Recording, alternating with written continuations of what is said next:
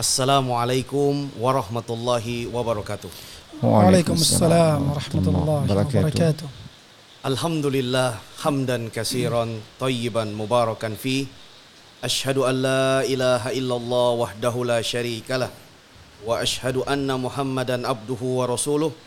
Allahumma salli wa sallim wa barik ala Muhammad wa ala alihi wa sahbihi wa man tabi'ahum bi ihsanin ila yaumiddin amma ba'du.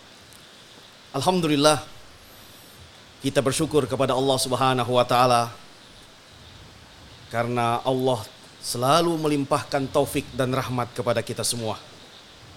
Terutama nikmat al-Islam dan nikmat as-sunnah. Dua nikmat yang paling besar, yang paling agung yang Allah turunkan kepada hamba-hambanya.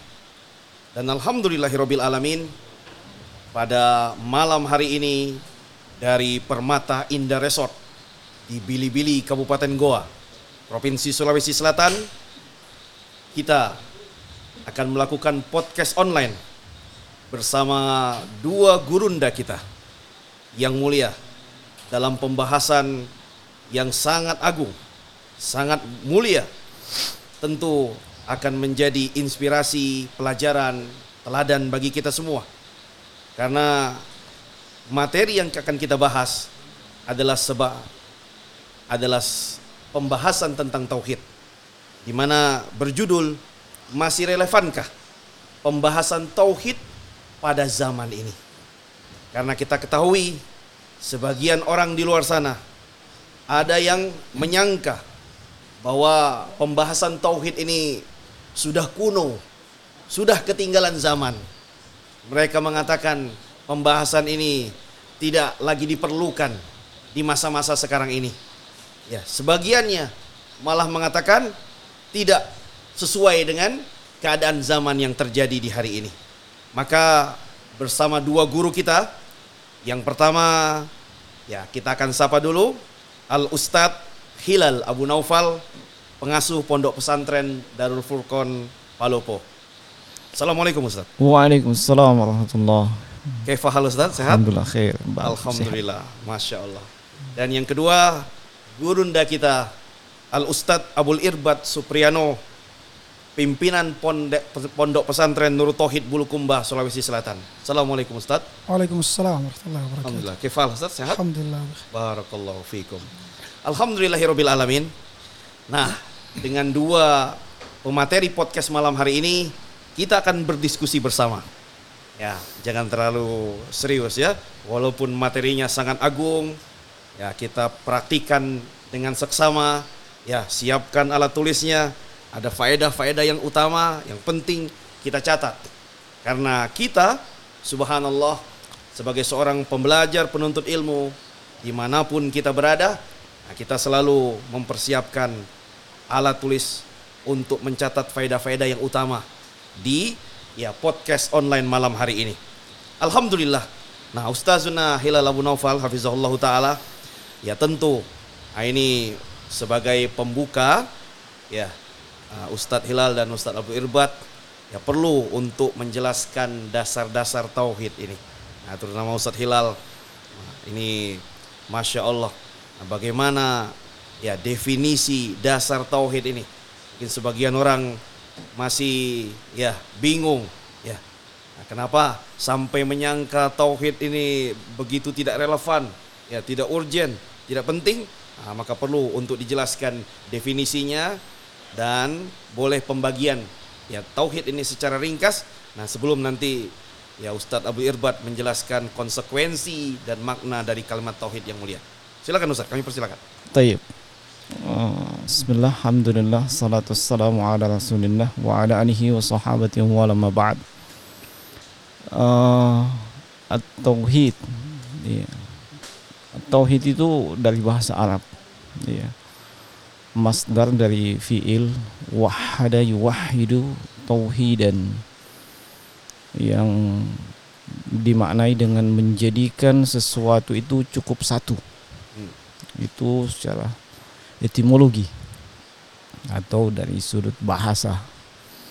Jadi dia masdar. Dari kata wahada yuwahidu tauhidan. Menjadikan sesuatu itu cukup satu. Tidak berbilang. Nah kemudian dari sisi terminologi ini diungkapkan atau disebutkan oleh sejumlah ulama. Misalnya yang saya ingat yaitu ifradullah taala bima yakhtassu bihi minal uluhiyati wal rububiyyati wal asma was sifat. Ifradullah taala mengesahkan Allah ya, bima yakhtassu bihi dengan apa-apa yang menjadi kekhususan bagi Allah dan itu hanya khusus memang untuk Allah tidak ada yang lainnya. Ya, berupa uluhiyah. Ya uluhiyah ini maksudnya kita berkeyakinan dengan keyakinan yang pasti tanpa ada keraguan sedikit pun bahwa Allah Subhanahu wa taala itu satu-satunya yang disembah satu-satunya yang diibadahi. Ya. rububiyah Adapun rububiyah itu dari kata rabbun kalau tadi dari kata ilah.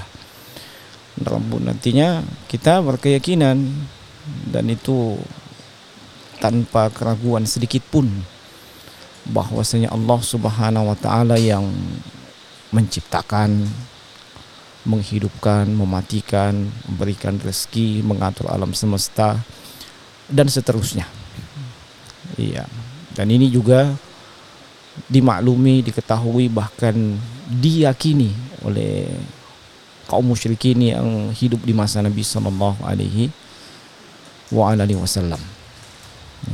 Kemudian yang ketiga itu adalah asma wa sifat, yaitu kita berkeyakinan juga tanpa keraguan sedikit pun bahwa Allah Jalla Jalaluh yang memiliki nama-nama yang indah dan sifat-sifat yang mulia kita yakini ya, sesuai dengan keagungan dan kemudian Allah tanpa melakukan tahrif perubahan ataupun melakukan at-takif dari kata kaif itu gimana dan seterusnya. Ataupun tanfil ya tasbih menyerupakan ya Allah Subhanahu wa taala dengan dengan makhluknya. Nah ini ya dari definisi terminologi ini itu nampak bahwasanya uh, para ulama ahlu sunnah wal jamaah itu membagi tauhid menjadi tiga. Dan taksim atau pembagian seperti ini itu adalah hasil istiqra. Hasil penelitian dan telaah dari nas-nas syar'i dari Al-Quran dan Sunnah. Ya semua ayat-ayat dan ataupun hadith-hadith yang sahih yang menjelaskan tentang tauhid itu semuanya mengarah kepada pembagian tiga itu. Nah, jadi itu hasil uh, istiqra'nya para ulama, ya, penelitian para ulama bahwasanya tauhid itu terbagi menjadi ya menjadi tiga. Nah, kemudian tadi kita singgung tentang kaum musyrikin yang hidup di masa Nabi juga meyakini rububiyahnya Allah. Ya, makanya di antara ulama ada yang menitik beratkan definisi tauhid itu pada uluhiyah. Iya, yaitu ifradullah taala bil ibadah. Mengesahkan Allah di dalam ibadah. Iya, dan ini maklumi, iya, yang baca-baca buku-buku akidah utamanya buku-buku tauhid, insyaallah itu tahu hal tersebut. Iya, demikian wallahu alam. Barakallahu fiikum. Jazakallahu khair Ustaz. Masya Allah. Ya, jadi dari penjelasan Ustadz Hilal Abu Naufal kita mendapatkan ya keterangan tentang tiga tauhid yaitu tauhid rububiyah, tauhid uluhiyah atau tauhid ibadah dan tauhid asma wa sifat. Alhamdulillah. Nah, biar lebih mantap kita kuatkan penjelasan ya pembagian dan definisi ini dengan penjelasan tentang syarat-syarat nah, apa saja. Karena tentu subhanallah ya tauhid ini kan kunci dan yang namanya kunci ada geriginya. Nah, tidak bisa kunci di pintu yang sama, ya pintu rumah yang sama dipakai untuk rumah yang lain. Seperti kunci motor, kunci mobil. Nah, pasti ada geriginya, ada syarat-syaratnya. Nah, ini syarat-syaratnya. Ya, subhanallah. Ustadz Abu Irbat sekaligus dengan konsekuensi kalimat tauhid tersebut. Silakan Ustaz. Bismillah, alhamdulillah, salatu wassalamu ala wa ilaha wa muhammadan abduhu wa rasulullah mab'ad. Jadi tauhid sebagaimana Bang Andri tadi katakan bahwa dia merupakan kuncinya surga. Ya, ketika Wahab ibnu Munabbih seorang tabi'in asal Yaman ditanya, bukankah la ilaha illallah adalah kuncinya surga? Maka kata beliau, iya, tapi setiap kunci itu akan ada geriginya, ada gigi-giginya. Nah itulah syarat-syarat la ilaha illallah. Jadi tidak cukup seseorang sekedar mengucapkan la ilaha illallah kemudian uh, tidak memperhatikan syarat-syaratnya. Maka wajib bagi setiap muslim dan muslimah yang telah mengucapkan la ilaha illallah untuk mempelajari apa sih sebenarnya syarat-syarat la ilaha illallah ya, yaitu gerigi-gerigi tadi yang merupakan kunci masuk ke dalam surga. Karena syarat ini kapan dia tidak ada maka al masyrut yang dipersyaratkan itu tidak ada. Iya. Jadi kalau tidak terpenuhi syarat-syaratnya maka syahadatnya pun tidak akan bermanfaat di sisi Allah Subhanahu wa taala. Maka ini uh, sangat bagus sekali untuk kita kupas secara ringkas mudah-mudahan bermanfaat bagi kita semua. Jadi uh, terkumpul dalam dua bait syair ya syarat la ilaha illallah ini yaitu ilmun yaqinun wa ikhlasun wa sidqu kama mahabbatin wa inqiyadin wal qabuli laha. Wa zida thaminuha al kufranu minka bima siwal ilahi minal asya'i qad uliha. Jadi ada delapan disebutkan dalam bait syair ini syarat dari la ilaha illallah. Yang pertama harus berilmu. Jadi syarat la ilaha illallah harus diilmui. Ya lawannya adalah al jahl jadi ketika seseorang mengucapkan la ilaha illallah tapi hanya sekedar ikut-ikutan, ya dia tidak paham apa maksudnya, apa syaratnya, apa konsekuensinya, apa makna dari la ilaha illallah, maka tidak akan sah. Ya. Jadi harus dia ilmui la ilaha illallah. Allah berfirman, "Fa'lam annahu la ilaha illallah astaghfir li dzambik." Ilmuilah la ilaha illallah. Jadi wajib untuk diilmui la ilaha illallah. Ya bukan sekedar ikut-ikutan diucapkan. Iya. Karena kata Imam Al-Bukhari al-ilmu qabla al-qawli wal amal. Ilmui dulu sebelum diucapkan dan diamalkan. Iya. Amalan yang tidak dibangun di atas ilmu tidak akan bermanfaat. Maka kalimat syahadat yang diucapkan ya kalimat tauhid la ilaha illallah yang diucapkan namun tidak dibangun di atas ilmu tidak bermanfaat. Ya minimalnya kita mengilmui makna dan rukun yang ada di dalamnya yaitu la ilaha artinya adalah kita mengingkari, kita nafikan la ilaha. Ya, kita ingkari, kita nafikan seluruh sesembahan. Ya. Kemudian kita tetapkan illallah. Hanya Allah satu-satunya. Ya. Jadi kita menetapkan ya, kita ingkari seluruh sesembahan-sesembahan ya, selain daripada Allah Subhanahu wa taala. Itu terkandung di dalam kalimat la ilaha. Iya, la nafiyatu lil jins. Menafikan seluruh sesembahan. Kemudian ditetapkan illallah. Di sini ada la ya dari segi uh, bahasa nahu la itu la nafiyatul jins dia beramal amalan inna ilaha isimnya la khabarnya di situ mahdzub karena sudah dimaklumi ya dalam bahasa Arab itu kalau sudah dipahami dimaklumi tidak perlu disebut Iya ya. Jadi ada di situ takdir hakun. Jadi tidak ada sesembahan yang hak illallah kecuali Allah. Ini harus diilmui ini. Bahwasanya la ilaha illallah tidak ada yang berhak kita buang, kita jauhi, kita ingkari seluruh sesembahan kemudian ditetapkan bahwasanya hanya Allah satu-satunya. Nah, itulah makna dari la ilaha illallah. Kemudian syarat yang kedua harus yakin. Harus yakin. Iya. Siapa yang mengucapkan la ilaha illallah tapi dia ragu ya atau hanya sampai pada uh, derajat don ya. Don tidak bermanfaat di dalam iman. Ya iman itu harus yakin 100% tidak boleh ke, dimasuki dengan keraguan sedikit pun. Allah Subhanahu wa taala berfirman innamal mu'minuna alladzina amanu billahi wa rasuli tsumma lam yartabu. Hanya yang dikatakan orang yang beriman adalah Ya, yang beriman kepada Allah dan Rasulnya kemudian dia tidak ragu. Ya, itu uh, syaratnya. Tidak boleh ra ragu. Dan Allah Subhanahu wa taala juga berfirman, "Innama yasta'dzinuka alladzina la yu'minuna billahi wal yawmil akhir wartabat qulubuhum fahum fi raibihim yataraddadun." Hanyalah ya, orang yang minta izin kepadamu wahai Nabi Muhammad tidak mau ikut perang yaitu orang-orang yang tidak beriman kepada Allah dan Rasulnya, tidak mau ikut jihad, yaitu orang-orang munafikin, tidak mau ikut jihad, minta izin, ya dengan berbagai macam alasannya, iya, wartabat qulubuhum, hati mereka itu ragu, dan mereka terombang ambing di dalam keraguan. Maka orang yang uh, mengucapkan syahadat la ilaha illallah wajib dipenuhi syaratnya, yang kedua harus yakin, iya. Dan di dalam uh, hadis Abu Hurairah radhiyallahu an Rasulullah sallallahu alaihi wasallam bersabda, "Man laqita min wara'i hadzal ha'id yashhadu an la ilaha illallah muqinan biha qalbu fabashshirhu bil jannah."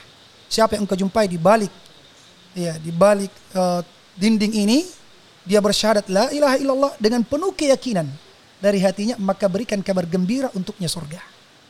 Kemudian yang ketiga, uh, ikhlas, ya. La ilaha illallah itu diucapkan diamalkan harus dibangun di atas dasar ikhlas. Iya, lawannya adalah ria, sum'ah, syirik. Jadi orang yang mengucapkan la ilaha illallah di antara syaratnya ya harus dia ikhlas. Iya. Tidak boleh karena uh, mengharapkan pujian, karena ria, tidak boleh digabungkan dengan kesyirikan. Iya, harus ikhlas kepada Allah Subhanahu wa taala. Rasulullah sallallahu alaihi wasallam bersabda as'adun nasi bi syafaati yaumil qiyamah man qala la ilaha illallah khalisan min qalbi. Siapa yang orang yang paling berbahagia dengan syafaat kepada hari kiamat adalah orang yang mengucapkan la ilaha illallah khalisan murni dari dalam hatinya. Dan Allah Subhanahu wa taala berfirman, "Wa ma umiru illa liya'budullaha mukhlishina lahuddin." Dan mereka tidaklah diperintahkan kecuali dalam rangka untuk memurnikan mengikhlaskan ibadah hanya kepada Allah Subhanahu wa taala. Kemudian uh, syarat yang selanjutnya adalah as-sidq. Ya, jujur. Ya, jujur dia ucapkan di lisannya, diakui, diyakini dalam hatinya dan dia buktikan di anggota badan. Itu namanya jujur. Iya. Jadi kalau di lisan dia jujur, hatinya dia oh, tuluskan, kemudian dia buktikan di anggota badan, itu dia bersungguh-sungguh menjalankannya. Ya, dari uh, kandungan-kandungan la ilaha illallah. Lawannya adalah al-kadhib, dusta. Ya, dia ucapkan di mulutnya tapi dia dustakan dalam hatinya. Atau amalannya yang mendustakan. Ya Allah Subhanahu wa taala uh, berfirman di dalam Al-Qur'an Alif lam mim ahasiban nas wa yutraku amanna wa hum la yuftanun wa laqad fatanna alladhina min qablihim fala ya'lamanna Allahu alladhina sadaqu wa la ya'lamanna al-kadhibin. Alif lam mim. Apakah manusia itu menyangka akan dibiarkan begitu saja mengaku ya mengucapkan saya telah beriman kemudian tidak diuji? Sungguh kami telah menguji orang-orang sebelum mereka, maka Allah pun tahu siapa ya yang jujur dan siapa yang dusta di dalam keimanannya. Jadi harus dia sidq. Ya, sidq. Dan Rasulullah sallallahu alaihi wasallam bersabda uh, di dalam hadis Anas radhiyallahu an uh, kata beliau man syahida Allah ilaha illallah wa anna ma min ahadin yashhadu an la ilaha illallah wa anna muhammadar rasulullah. Sidqan min qalbih. Iya. Sidqan min qalbi. Illa haramallahu alaihi nar. Kata Rasulullah sallallahu alaihi tidak ada seorang pun yang bersyahadat la ilaha illallah. Muhammad Rasulullah ya. Kemudian dia jujur dari dalam hatinya. Maka kecuali pasti Allah haramkan untuknya neraka. Ya, Allah haramkan untuknya neraka. Kemudian mahabbah. Syarat selanjutnya adalah mahabbah. Orang yang mengucapkan la ilaha illallah harus atas dasar mahabbah dia cintai kalimat la ilaha illallah. Dia cintai kandungan dan konsekuensi syarat-syarat yang ada di dalam la ilaha illallah. Dia cintai orang-orang yang berpegang teguh di atas la ilaha illallah. Lawannya adalah al-buk. Ya, benci. Jadi orang yang mengucapkan la ilaha illallah harus cinta dengan kalimat tersebut dan cinta dengan makna-makna yang terkandung di dalamnya dan orang-orang yang berpegang teguh dengan la ilaha illallah. Tidak boleh dia membenci kalimat la ilaha illallah, kandungan-kandungannya. Kapan dia benci maka tidak sah syahadatnya. Kemudian selanjutnya uh, syarat selanjutnya adalah al-inqiyad wa taslim. ya istislam, dia tunduk berserah diri, menerima konsekuensi ya kandungan-kandungan yang ada di dalam la ilaha illallah. Lawannya adalah at-tark, menolak. Ya. Tidak boleh dia menolak apa pun yang datang dari uh, makna-makna la ilaha illallah. Ya Allah Subhanahu wa taala berfirman di dalam Al-Qur'an, "Wa man yuslim wa man yuslim wajahu ila Allah wa huwa muhsin faqad istamsaka bil urwati luthqa." Ya, dan barang siapa yang berserah diri, tunduk, ya, memberikan wajahnya kepada Allah Subhanahu wa taala wa huwa muhsin, yaitu dia bertauhid. Ya, dia bertauhid, dia tunduk dan dia bertauhid, faqad istamsaka bil urwati luthqa dan dia sudah berpegang maka dia telah berpegang teguh dengan al urwatul lusqa yaitu kalimat la ilaha illallah. Ya. Maka uh, cinta dan benci seseorang itu harus dibangun di atas kalimat tauhid ini. Kita mencintai seseorang karena la ilaha illallah, kita benci seseorang karena la ilaha illallah.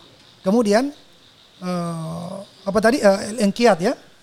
Al-inqiyad berserah diri tidak boleh menolak. Iya. Kemudian uh, Al-qabul, ya al-qabul.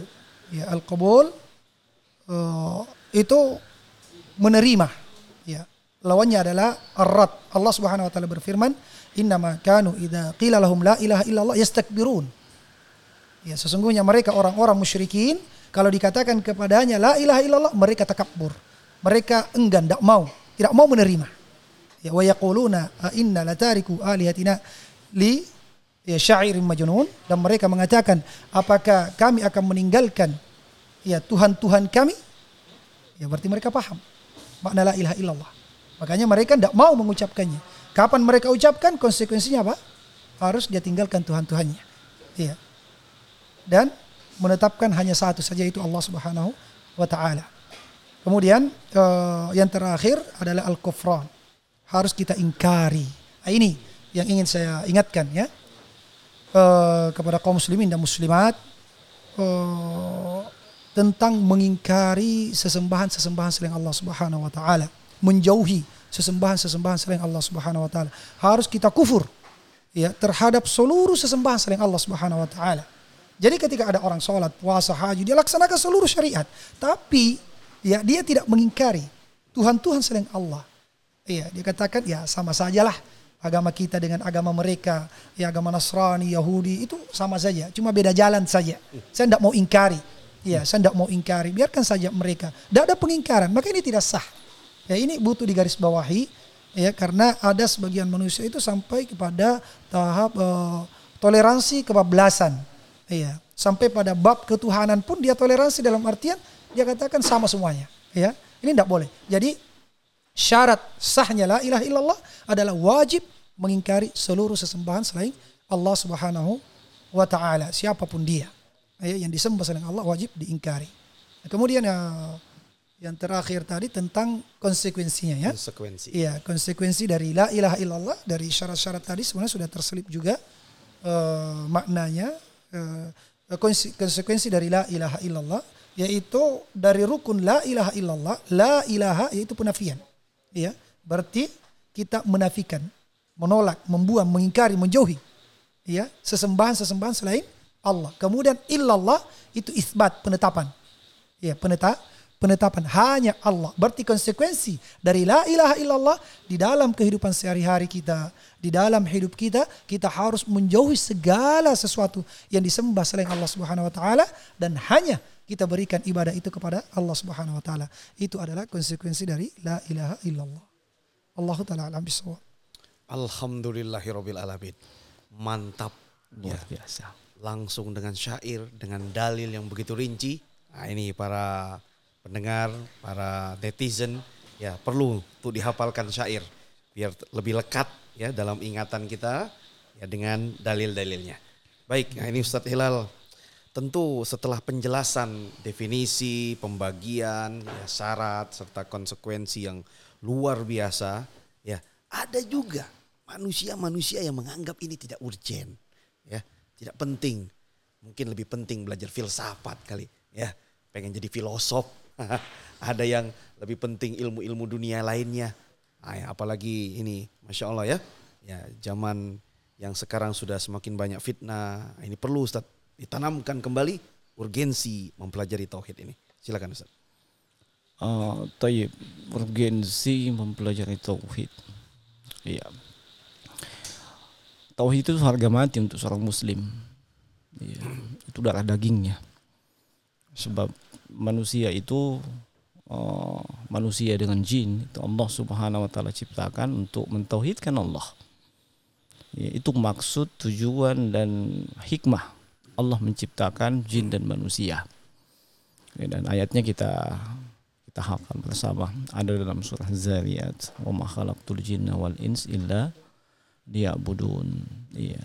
Di antara para ulama itu uh, menjelaskan liya'budun ay liwahiduni. Iya.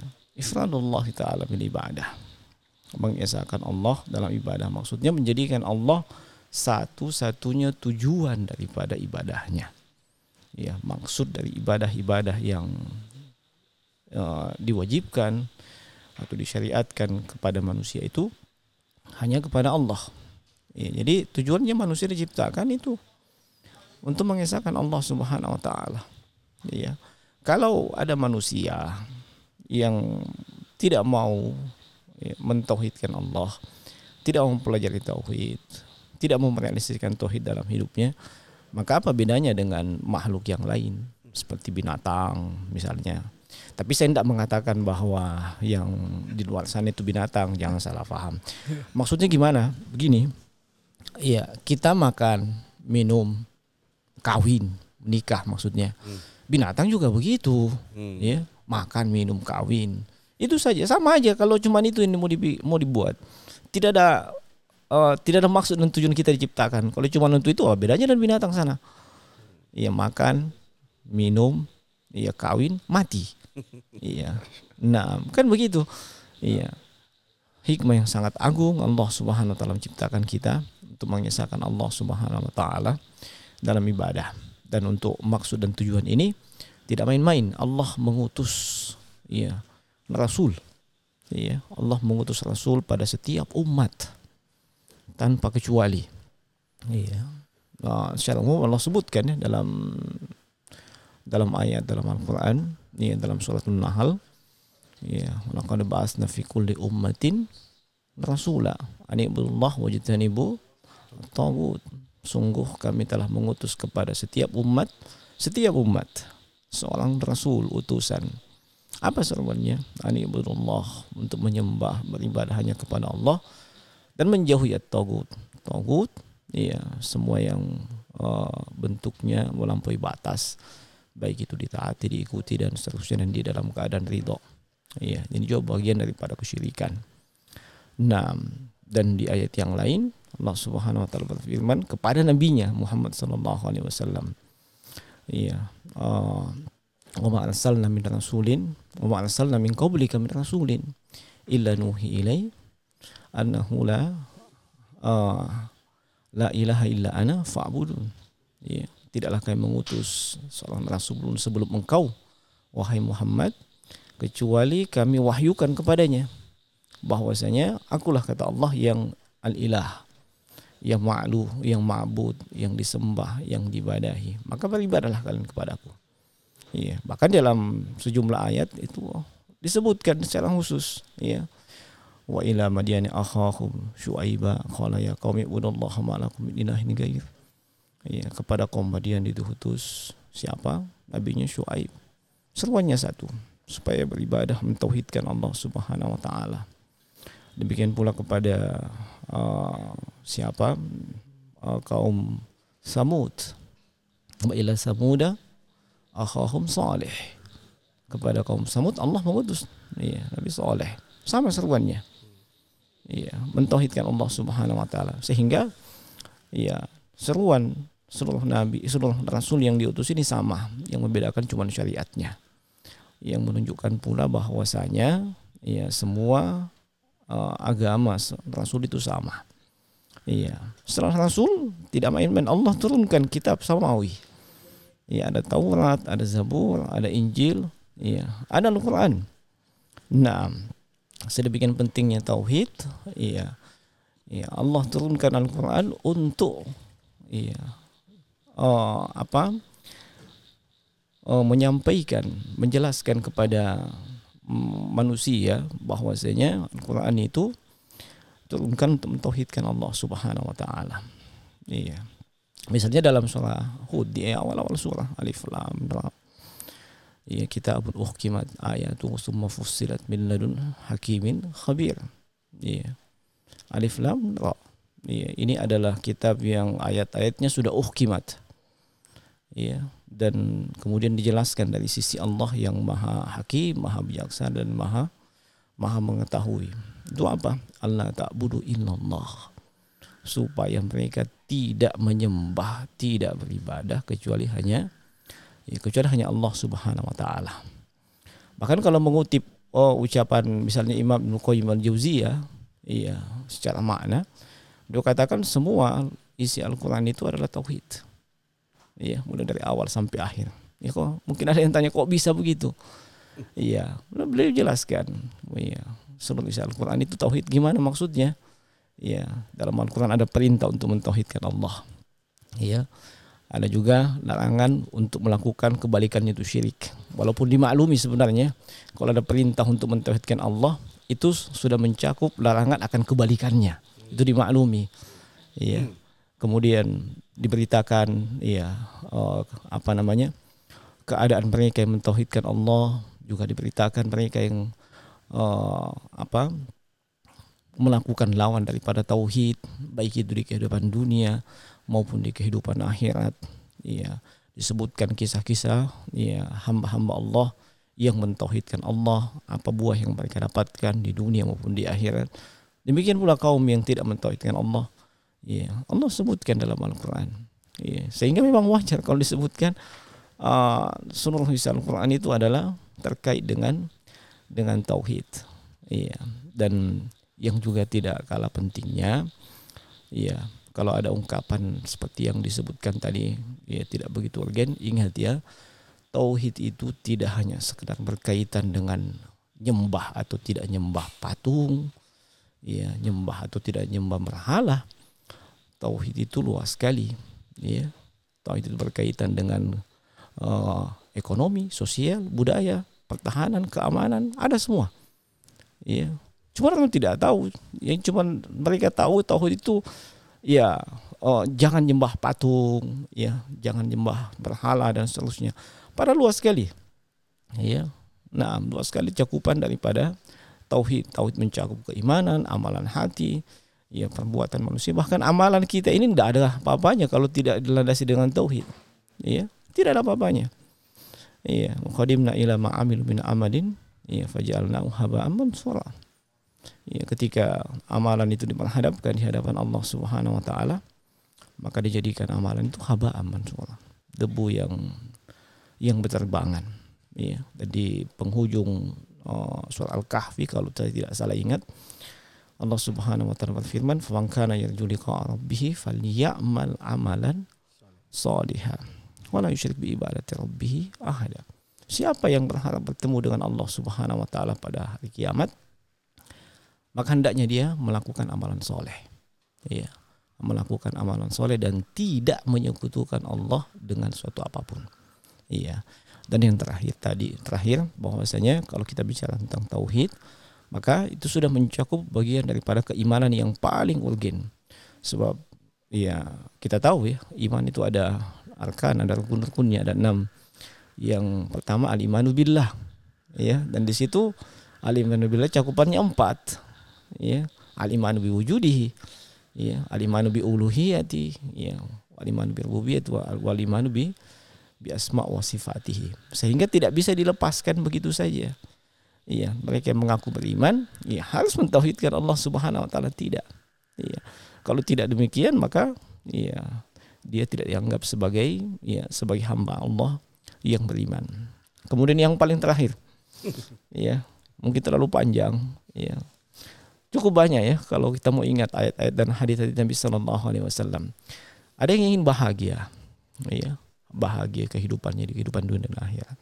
Konsepnya tauhid, ya tauhid. Ya, kenapa? Allah sebutkan, ya man uh, apa uh, man amila solihan min zakarin au unsa. Ya siapa pun yang melakukan amalan soleh entah dia laki-laki maupun perempuan nggak masalah. Ya tak ada perbedaan. Iya. Wahwa wahwa mukmin dan dia beriman. Ingat tauhid masuk dalam cakupan al-imanu billah. Iya.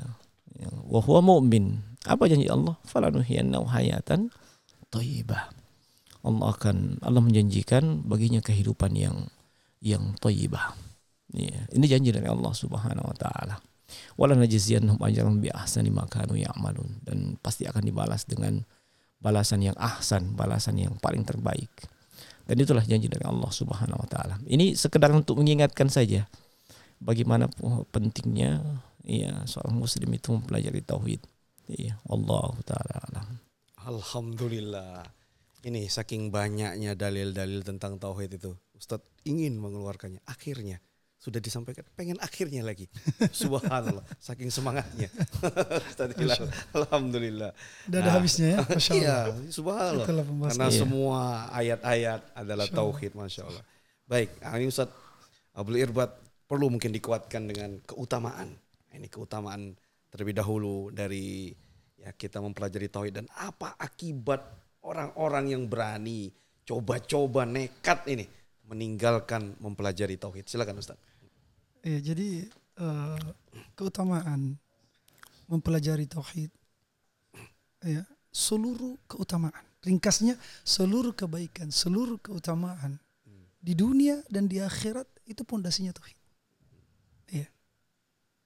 Jadi sebanyak apa pun harta kita, tinggi setinggi apa pun jabatan kita, kebaikan-kebaikan apa pun itu kalau tidak didasar dengan tauhid, maka tidak akan ada nilainya. Firaun memiliki jabatan yang tertinggi di di zamannya. Iya kan? Tapi karena tidak ada tauhidnya, akhirnya dihinakan oleh Allah. Korun memiliki harta yang banyak, tapi karena tidak dibangun di atas tauhid, bahkan ditenggelamkan ke dalam bumi bersama, beserta dengan uh, hartanya. Ya, jadi seluruh kebaikan di dunia dan di akhirat dasarnya adalah tauhid. Sebaliknya seluruh kejelekan, seluruh kejelekan yang didapatkan di dunia dan di akhirat itu karena tidak adanya tauhid. Jadi kalau dirinci tauhid jalan, oh iya, untuk masuk ke dalam surga satu-satunya. Tauhid jalan keamanan di dunia dan di akhirat. Alladzina amanu wa lam yalbisu imanuhum bidzulmin ulaika lahumul amn wa hum muhtadun. Iya. Orang yang beriman dan tidak mencampur adukkan keimanannya dengan kezaliman itu kesyirikan, maka mereka lah yang mendapatkan keamanan dan mereka yang mendapatkan hidayah.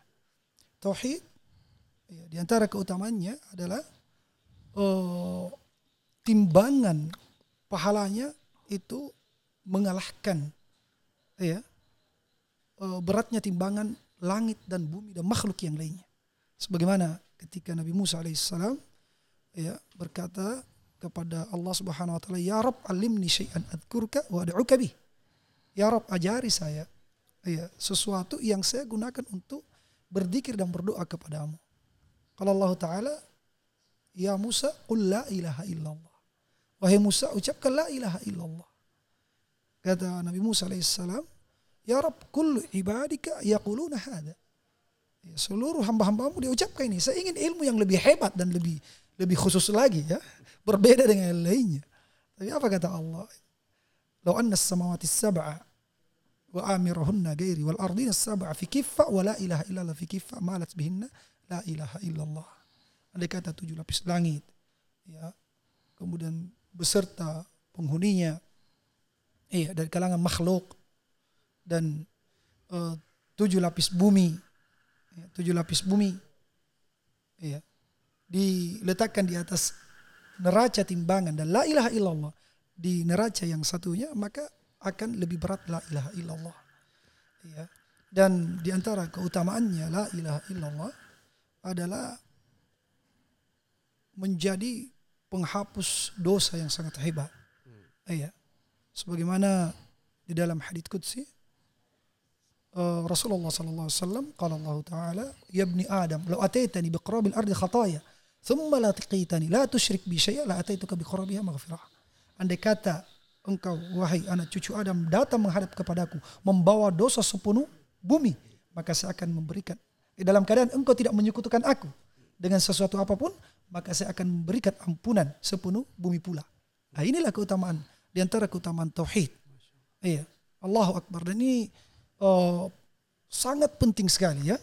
Siapa pun di antara kita ya itu tidak ada yang lepas dari dosa-dosa dan banyak sekali dosa-dosa kita. Maka mudah-mudahan dengan kita menjaga tauhid ini, ya kita menjaga tauhid kita, jangan sampai kita jatuh dalam kesyirikan. Ya, kalaupun kita sempat terjatuh, kita segera bertobat, kembali mentauhidkan Allah Subhanahu wa taala. Perdalam lagi tauhid. Mudah-mudahan kita meninggal di atasnya. Maka kata Rasulullah sallallahu alaihi wasallam ya di dalam sebuah hadis, "Man mata, man kana akhiru kalami la ilaha illallah, dakhala al-jannah." Siapa yang ucapan terakhirnya adalah la ilaha illallah, pasti dia masuk ke dalam surga. Dan Rasulullah wasallam bersabda, "Man laqiya Allah la yusyriku bihi syai'a, dakhala al-jannah, wa man laqiyahu yusyriku bihi syai'a, dakhala an-nar." Siapa yang berjumpa dengan Allah Subhanahu wa taala dalam keadaan dia tidak melakukan kesyirikan, maka dia pasti masuk ke dalam surga. Dan siapa yang berjumpa dengan Allah dalam keadaan dia melakukan kesyirikan, maka pasti dia masuk neraka. Iya dan eh, bahaya tidak mempelajari tauhid ini meninggalkan uh, tauhid ya jelas bahwa siapa yang tidak mengilmui sesuatu ya dia tidak tahu tauhid maka pasti dia akan terjatuh di dalam kesyirikan. Ya kalau dia tidak mengerti tauhid bagaimana mungkin dia bisa amalkan dan bisa terhindar dari pembatal-pembatal uh, tauhid yaitu kesyirikan? Apa bahayanya? Ya. Kapan seseorang meninggal di atas kesyirikan maka tidak ada harapan baginya masuk ke dalam surga. Iya dan billah. Inilah uh, tadi uh, pentingnya di antara pentingnya kita terus belajar dan belajar tauhid. Karena siapa yang meninggal di atas kesyirikan, maka tidak ada harapan baginya untuk masuk ke dalam surga Allah Subhanahu wa taala. Allah berfirman, "Innahu may yusyrik billah faqad harramallahu alaihi al-jannah wa ma'wahu an-nar wa ma lidh-dhalimin min ansar." Sesungguhnya siapa yang menyekutukan Allah Subhanahu wa taala, maka iya, Allah haramkan baginya masuk ke dalam surga. Dan tidak ada penolong bagi bagi orang-orang yang zalim itu pelaku kesyirikan siapa pun dia. Walaupun dia adalah uh, anaknya nabi orang tuanya nabi istrinya nabi ya kapan dia meninggal di atas kesyirikan maka tidak ada yang bisa menolongnya. Dan bahayanya ketika dia terjatuh ke dalam kesyirikan seluruh amalan akan terhapus. Iya. Inna Allah la yakfiru ayyushraka bi wa yakfiru ma duna dzalika liman yasha. Sesungguhnya Allah Subhanahu wa taala tidak akan mengampuni dosa melakukan kesyirikan dan mengampuni dosa yang tingkatannya di bawah uh, kesyirikan. Jadi dosa kesyirikan ini tidak akan diampuni. Iya. Tidak akan diampuni dan pelakunya ya kalau dia melakukan dosa kesyirikan amalan-amalan yang lainnya akan terhapus. Ya, sekalipun andai kata andai kata terjadi pada seorang nabi dia menyekutukan Allah akan terhapus ya, amalan-amalan hebatnya, jihadnya, ya, solatnya dan seterusnya. Allah Subhanahu wa taala berfirman, "Walaqad uhiya ilaika ila alladziina min qablik la in asyrakta la yahbatanna 'amaluk wa la takunanna minal khasirin." Sungguh kami telah wahyukan kepadamu dan nabi-nabi sebelummu. Jadi setiap nabi diwahyukan seperti ini. Ya, seluruh nabi diwahyukan oleh Allah Subhanahu wa taala. Ini menunjukkan pentingnya perkara ini. Ya, mempelajari tauhid dan menjauhi segala bentuk kesyirikan. Iya. Apa itu?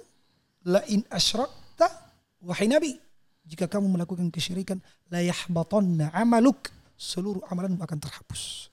Iya. Wala takunanna minal khasirin. Dan pasti dan pasti kamu akan menjadi orang yang merugi. Iya dan billah. Apalagi kita yang sudah amalan sedikit, ya. Gimana kalau kita terjatuh dalam kesyirikan? Maka ini uh, nasihat untuk kita semua untuk semangat mempelajari tauhid ya dengan mendengarkan keutamaan-keutamanya tadi dan bahayanya dari kesyirikan itu sehingga kita berusaha untuk menghindarinya ya. Uh, terakhir kata Allah Subhanahu wa taala inna syirka la dzulmun adzim sesungguhnya kesyirikan itu adalah kezaliman yang paling besar kejahatan yang paling jahat ya. Tidak ada yang mengalahkan kejahatan kesyirikan di muka bumi ini Itulah bahaya dari kesyirikan. Allah Ta'ala alam bisawab. Subhanallah, Alhamdulillah. Penjelasan yang lengkap. Ditambah pula dengan bahaya-bahaya kesyirikan yang akan menghancurkan tauhid dan amalan kita. Ya, kembali kepada Ustadz Hilal. Nah, sekarang kita masuk ini banyak subhat-subhat. Ya, banyak sekali Ya, tantangan kita dalam berdakwah yang mendakwahkan tauhid di muka bumi ini. Nah, ini Ustadz kadang-kadang bukan kadang-kadang banyak yang mengatakan dai-dai sunnah, dai-dai salafi ini kok tauhid lagi, tauhid lagi. Kitab tauhid sudah habis, pindah lagi kitab tauhid. Ya enggak? Sudah habis, pindah lagi kitab judulnya beda, isinya juga tauhid. Nah, bagaimana? Ini tanggapan Ustadz Hilal. Subhanallah. Apakah tidak perlu ditanggapi kita diam saja atau ada penjelasan khusus dari Ustadz? Silakan. Baik. Oh. iya, itu juga pernah sampai ke telinga saya. Kenapa selalu tauhid saya dibahas? Bahkan uh, hampir setiap pembahasan kita bahas masalah adab pasti nyelip tauhid. Uh, bahas fikih nyelip tauhid. Uh, bahas yang lainnya nyelip tauhid. Nah, taib begini ya. Uh, pertama, ya, perlu untuk kita ketahui, ya, kesyirikan itu yang merupakan lawan tauhid, ya, ya, di zaman kita ini itu jauh lebih dahsyat, jauh lebih beraneka ragam dibandingkan yang terjadi di zamannya Nabi. Ya, kalau di zamannya Nabi Sallallahu Alaihi Wasallam kaum musyrikin. Ini bukan mem, bukan membela kaum musyrikin ya, enggak. Mereka itu uh, kalau di saat susah, wah, mereka yakin kepada Allah. Ya, jangan dikira kaum musyrikin tidak tidak tidak yakin kepada Allah. Wah, ya, mereka meyakini kok rububiyah. Ya, wala in sa'altahum man khalaqas samawati wal ardi Allah.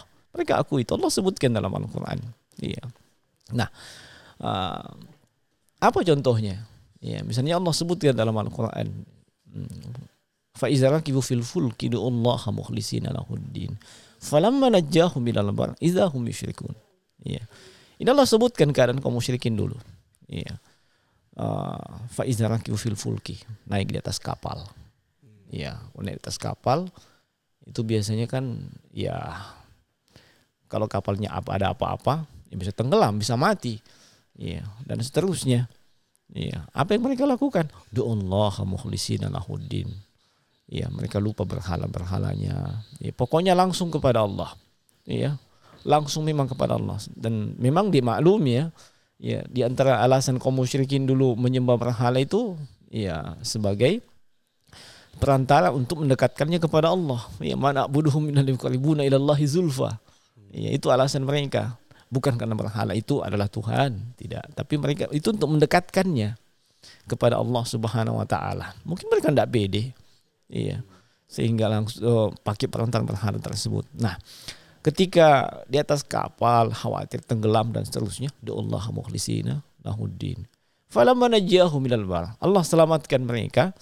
Iya, sampai ke daratan dengan selamat, sehat walafiat, tidak kurang satu apa, tidak ada masalah. Hmm. Iya idahum yusyrikun kembali melakukan syirik kembali ke berhala-berhalanya ini kaum musyrikin loh iya kalau di zaman now zaman kita subhanallah. Di saat susah syirik. Di saat senang juga syirik. Iya susah senang sama-sama syirik. Kalau di zaman all iya. Mereka kapan syirik? Iya ketika di masa senang di masa lapang. Masa lapang. Kalau di zaman kita ini semuanya Iya, apa buktinya? Lihat saja. Ya, kelakuan kita kalau ditimpa musibah. Eh, sebelum ditimpa musibah, panen berhasil, ya. Hasil laut berlimpah. Apa yang dibikin? Sesajen ke laut. Ya toh. Bikin sesajen untuk pertanian apa segala macam. Ini ya, senang. Syirik. Begitu ditimpa musibah, paceklik apa segala macam. Ah, bikin lagi ritual. Iya, sepertinya penghuni ini penghuni laut sedang murka kepada kita. Bikin lagi kepala sapi dikasih masuk di. Iya. Intinya saat susah dan senang sama-sama syirik. Iya. Nah, itu contoh ya. Contoh kalau mau contoh yang lain banyak sekali. Iya, ada orang mau berdagang. Iya, begitu khawatir dagangannya tidak laku, bikin penglaris, cari dukun putih. Saya bingung juga itu dukun putih apanya yang apalagi ya istilah dukun oh, gitu putih ya? dukun hitam dukun putih Ustaz Wallahualam katanya dukun putih itu tidak tidak jahat dia membantu menolong pakai jenggot mungkin Wallahu a'lam. Itu alasannya. Jadi dia dia membantu yang kurang laris jualannya dikasih penglaris, yang kurang jodohnya dikasih dekat jodohnya. Membantu makanya disebut dukun putih. Padahal media mediatornya adalah syaitan, sama aja sebenarnya. Iya, tapi ini di saat susah. Iya, di saat senang juga sama. Iya, begitu dagangannya larisnya laris manis, iya, mereka tetap melakukan kesyirikan. Iya, nah, bahkan untuk menunaikan satu ibadah saja, bikin lagi ritual kesyirikan. Apa itu kalau saya selamat sampai di tanah Mekah kembali ke sini tidak kurang suatu apa, saya akan potong sapi di mana itu? Keramat. Di tempat keramat. ya, tempat keramat. Padahal baru iya. pulang ya dari haji. Iya, belum pergi, baru mau pergi nih. Iya. Jadi ini kan mau pergi kan kita senang, belum nyaman. pergi itu. Belum pergi. Iya. Begitu pulang, subhanallah, selamat bikin kesyirikan. Iya. Contoh yang sekarang mungkin lagi sedang viral itu. Ya, kalau zaman all, minta maaf ya, sekali bukan membela kaum musyrikin. Ya Yahwat, ya Gus, ya apa, Lata, Manat, Uzza, dimaklumi latar belakang mereka. Hmm. Toh, mereka punya jasa besar. Hmm. Ya, mereka punya prestasi luar biasa. Makanya di, dikagumi, dijadikan sebagai berhala dan seterusnya, sebagai wasilah menuju kepada Allah. Menurut keyakinan kaum musyrikin. Iya. Kalau di zaman zaman now, ya, tidak dijelas dia wali apa?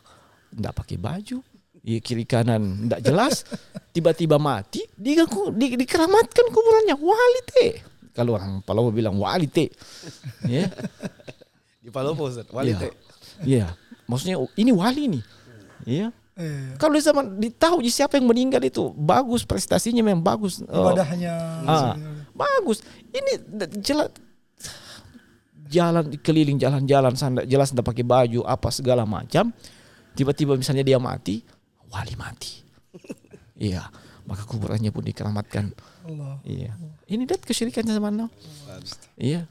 Nah, itu yang pertama. Yang kedua, kadang Eh, bentuk-bentuk uh, kesyirikan itu yakhfa tersembunyi bagi sebagian alim. Ya. Jangankan manusia secara umum, kaum muslimin secara secara umum, kadang bagi seorang alim. Ya, apa buktinya? Ini sambil faedah dari uh, Kasyfus Syubhat. Ya, Kasyfus Syubhat dan Syarah Syekh Muhammad bin Shalih Utsaimin di Kasyfus Syubhat kan disebutkan riwayat Tirmizi kalau tidak salah. Iya, Abu Waqid Al-Laitsi haditnya ketika uh, sebagian sahabat ini yang uh, menuju ke Hunain ya hmm. yang mereka ini sudah bil kufur baru belum lama meninggalkan kekufuran tapi tidak semua sahabat yang ketiga sebagian ada sahabat yang lama ya nah mereka lewat ya tahu kan kisahnya lewat hmm. ya dengan pohon yang itu pohon dulu di masa mereka syirik masih musyrik dan kaum musyrikin melakukan itu dijadikan apa untuk menggantung senjatanya. Makanya disebut zatu anwat. Iya. Untuk menggantungkan senjatanya. Untuk apa? Supaya kalau digantung di situ senjata dipakai wah bisa menang dan seterusnya. Nah ini masih diingat. Maka apa kata mereka? Ya Rasulullah ij'al lana zatu anwatin kamalahum zatu anwat. Ya Rasulullah menjadikan untuk kami ya pohon anwat seperti mana mereka bukan main kagetnya Nabi. Ya, saya belum mengatakan subhanallah dalam lafaz yang lain Allahu akbar. Ya, itu sama dengan ucapannya Bani Israel yang sudah Allah selamatkan dari kejaran Firaun. Ya, Allah membelah langit, eh membelah langit, membelah lautan. lautan. Iya, melalui dengan dengan tongkat Nabi Musa alaihi salatu wasalam selamat. Iya, itu Bani Israel melihat. Satu kaum yang menyembah apa berhala ketika itu patung.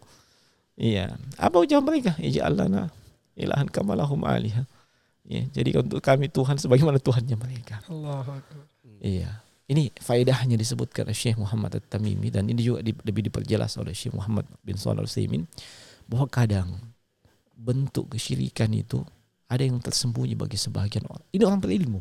Hmm. Itu para sahabat Anda ragukan keilmuannya. Dan tidak semuanya situ sudah tahu bil ahli bil kufri. Iya, karena tersembunyi bagi sebahagian orang. Iya, maka tidak boleh kita bermain-main masalah itu, apalagi menyepelekan. Iya, contoh yang berikutnya juga uh, apa ini? Uh, ini hadis dikeluarkan oleh Imam Bukhari dalam Adabul Mufrad dari Ma'kil bin Yasar yang menceritakan bahwasanya beliau bersama Abu Bakar bertemu dengan Nabi. Ya, apa kata Nabi? La syirku fikum akhfa min dabibi min dabibin namal. Kesyirikan itu fikum pada kalian. Pada kalian karena ya akhfa lebih tersembunyi, lebih terselubung dibandingkan langkahnya semut. Sampai kata Abu Bakar Siddiq, ya. Bukankah kesyirikan itu antajal Allah ilahan ahar? Bukankah itu kesyirikan? Iya, tapi apa kata Nabi? Walladzi nafsi biyadi. Nabi sampai bersumpah, la syirku fikum akhfa min dabibin namal. Iya, dan di ta'diknya atau penjelasannya itu yang dimaksud di situ adalah iya, riya, sum'ah dan ujub. Iya. Dan para ulama yang yang menjelaskan itu itu mereka sebutkan ini kadang riya, sum'ah dan ujub ini ini yang kadang berat bahkan hatta seorang yang penuntut ilmu para asatidz iya sudah berdakwah ke mana-mana seterusnya tiba-tiba ada yang mencelanya. Ada yang mengkritiknya. Dia tidak terima itu kritikan. Iya tidak terima itu kritikan. Iya. Merasa dia sudah punya prestasi. Ujub iya. Sudah punya prestasi masa kok kritik saya apa segala macam Subhanallah. Padahal seadanya dia bagus tauhidnya, hanya Allah yang patut dipuji, tidak ada yang lainnya. Iya. Nah, maka itu, iya, sekedar untuk mengingatkan. Iya. Kadang kesyirikan itu iya, bagi sebahagian orang berilmu, ya walaupun dia berilmu, itu ada bentuk-bentuk kesyirikan yang mungkin tersembunyi, iya, tersembunyi bagi dia. Jadi ini bukan bukan perkara main-main. Iya, makanya terus kita pelajari. Iya. Kalau terus kita pelajari, maka terus kita amalkan. Iya. Dan para dai juga jangan bosan. Iya. Kalau mereka tidak terima, iya, misalnya pembahasan kita butuh tauhid. Wah, pasti main tas, main syirik-syirik lagi nih. Tidak usah bahas itu. Iya, kita bahas apa? Ada bulu mufrad misalnya. Nanti masuk di situ. Ada yang paling utama kepada Allah apa? Menunaikan haknya Allah. Tauhid. Iya, kita bisa masuk di mana saja. Iya, masuk fikih, wah bisa. Ngapain kita berwudu? Untuk sholat. Sholat kepada siapa? Untuk apa? Masuk tauhid di situ. Apa saja. Iya, masuk di muamalat. Bisa juga masuk. Tinggal kita yang ngatur. Jadi salah paham itu orang mengatakan bahwa salaf itu cuma tauhid saja dibahas. iya, tapi itulah. Iya, mungkin dia iya butuh piknik gitu. Allahu alam. Sekira demikian. Masya Allah. Kalimat terakhir butuh piknik. Makanya saat apa di hadis itu juga kan hadis Makil bin Yasar yang diriwayatkan oleh Imam Bukhari dalam Al Adabul Mufrad. Doa berlindung dari kesyirikan. Ah, itu itu dia. betul. Yang kata Nabi Shallallahu Alaihi Wasallam, uh, zahaba angka qaliluhu wa kathiruhu. Hmm. Ya, Allah akan hilangkan kecil maupun besar banyak yang sedikit atau banyak yang kesyirikan itu yaitu Allahumma ini a'udzubika an asyrika bika wa ana a'lam wa astaghfiruka lima la a'lam. Masya Allah. Iya. Ya, para netizen jangan lupa dihafalkan. Ya doa Allahumma inni auzubika an usyrika bika wa ana a'lam wa astaghfiruka lima la a'lam. Ah, ini ya Ustadz Abu Irbat karena sudah banyak pengalaman kita lihat di sosmed itu ntar di pasar ini minggu depan di pasar ini ah, semangat sekali subhanallah ya Enggak jualan ya di sana. ya. Atau satu kali jalan. Allah. Kak, saya lihat dari Bandung saja beliau berdiri itu, waduh pengen ikut ke Bulukumba ini, masya Allah jauh. Nah mungkin Ustadz beliau punya pengalaman. Nah ini menghadapi ya berbagai tantangan-tantangan subat di lapangan ya mengenai kesyirikan dan tauhid ini. Mungkin ada cerita kisah yang berharga bagi kami pada malam hari ini. Silakan Ustadz. Iya, jadi alhamdulillah eh, setelah kami mempelajari terus mempelajari dan mengajarkan tauhid, ya ternyata luar biasa. Ya, eh, ilmu tauhid ini sangat-sangat luar biasa sebagaimana telah saya sebutkan tadi bahwa seluruh kebaikan pokoknya dasarnya adalah tauhid dan seluruh kejelekan dasarnya adalah cacatnya tauhid. Nah, dari situ muncul eh, eh, kecintaan ya kecintaan kepada eh, manusia. Bagaimana supaya manusia itu pun mengenal tauhid. Sebagaimana kata Syekhul Islam Ibnu Taimiyah rahimahullah taala ahli sunnah a'lamun nasi bil haqq wa arhamuhum bil khalq. Jadi ahli sunnah itu adalah orang yang paling mengetahui kebenaran dan orang yang paling cinta kepada makhluk Iya. Dan sebagai bentuk cintanya ahli sunnah kepada makhluk itu, bagaimana supaya makhluk tersebut masuk ke dalam surga dan selamat dari api neraka. Ya itu bentuk kasih sayang sebenarnya. Itu bentuk cinta sebenarnya. Iya. Jadi bukan sekedar kita berikan materi perhatian, bukan. Tapi hakikat cinta, bentuk kasih sayang sebenarnya kepada manusia adalah bagaimana kita menjadi sebab dia bisa masuk ke dalam surga dan selamat dari api neraka. Iya, karena eh, pokok kebaikan adalah surga dan eh, kejelekan yang paling mengerikan adalah neraka Allah Subhanahu wa taala. Nah, dari situ kemudian muncul gimana ya ini kalau saya hanya dakwai teman-teman yang ada datang di masjid ya kan yang ada di pondok pesantren iya apalagi saya sering eh, bergaul de- berkunjung ke masyarakat ya melihat mereka banyak yang terjatuh di dalam kesyirikan belum lagi orang yang mungkin eh, datang mengeluhkan sakit ini sakit itu ya. Eh, keluarganya sakit ini dan sakit itu daripada dia ke dukun ya. Daripada dia ke dukun di ya, apalagi di daerah saya ya. Itu mungkin di daerah uh, Ustadz Hilal juga daerah antum juga masih banyak praktek-praktek perdukunan sihir dan yang lainnya. Uh, mereka mengeluh dia kena ini kena itu. Kalau oh, apa tidak uh, mendapatkan bimbingan dari seorang ustadz maka otomatis dia akan larinya ke dukun. Iya larinya ke tempat-tempat keramat. Ya karena sudah mendatangi dokter ini katanya tidak ada penyakitnya. Nah, kemudian dia cerita semua. Dari pengalaman-pengalaman yang mereka ceritakan ternyata tidak lepas semuanya dari kesyirikan. Iya akhirnya muncul ya semakin terdorong ya semakin terdorong semakin termotivasi untuk menyebarkan ilmu tauhid ini pada seluruh lapisan masyarakat. Ya di mana pun mereka berada. Iya karena memang oh, misinya para nabi kan demikian ya. Ya mereka memang diutus untuk itu. Ya maka ini se- eh, apa menjadi cas ya motivasi untuk eh, menyebarkan dakwah tauhid. Iya akhirnya saya berpikir ini di mana mereka saya bisa jumpai begitu? Iya. Tunggu di masjid. Soalnya kalau ditunggu di masjid itu paling ya kalau kebanyakan orang awam ya itu satu kali sepekan laki-lakinya. Hari Jumat. Toh. Gitu ya, ada juga yang dua, Dua kali setahun. dua kali setahun itu. Gimana ini? Kasihan ya. Apalagi eh, di kampung sendiri di daerah sendiri ya. Tentu mereka adalah orang-orang dekat kita. Nah, makanya oh, ini harus ya datangi mereka. Di mana mereka tempat berkumpulnya ya di di di, di, di pasar.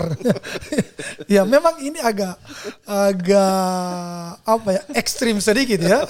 Karena sampai-sampai teman-teman ya awal-awal kali saya Iya. eh, berpikir untuk dakwah di pasar saya ajak teman-teman itu mikir mereka "Ih, gimana Ustadz? Nanti kita dilempari batu nanti kita dicela dihina. Apalagi mau membahas masalah kesyirikan perdukunan ya. Atau dicari memang supaya dilempari batu. jadi eh, akhirnya teman-teman ini tidak ada yang mau bergerak, tidak ada yang mau bergerak waktu itu. Ayo kita jalan, kita dakwai orang-orang ini sampai kapan mereka jatuh dalam kesyirikan? Jangan sampai dia meninggal dalam keadaan seperti itu. Iya, alhamdulillah kita bersyukur ya eh, sudah kenal dakwah tauhid. Tapi kan kata Rasulullah Sallallahu Alaihi Wasallam, la yu'minu ahadukum hatta yuhibba li akhi ma yuhibbu li nafsi. Iya, yang kami ingin juga kaum muslimin itu mengenal tauhid dan selamat dari kesyirikan. Akhirnya setelah berjalan satu pekan nunggu respon dari teman-teman, eh, tidak ada yang mau bergerak ya. Ah, sudahlah kalau begitu saya bilang saya jalan sendiri. Ya, pinjam eh, apa eh, mic dan speaker saya mau jalan. Ya. Ya, ya, ya. Oh, ada mobil open cup saya pakai saja. Ya, ya, ya, ya, ya. Ini masa mereka-mereka yang kadang menyebarkan kekafiran, menyebarkan kesyirikan, menyebarkan khurafat, ya, menyebarkan syubhat bid'ah, itu dengan semangatnya dia korbankan waktunya, jiwanya, ya, Hartanya. hartanya, sampai ada yang ke pedalaman Irian sana, ya.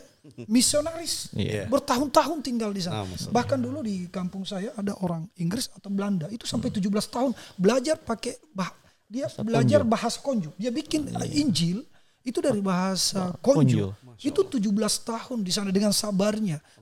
Dia tinggalkan negerinya.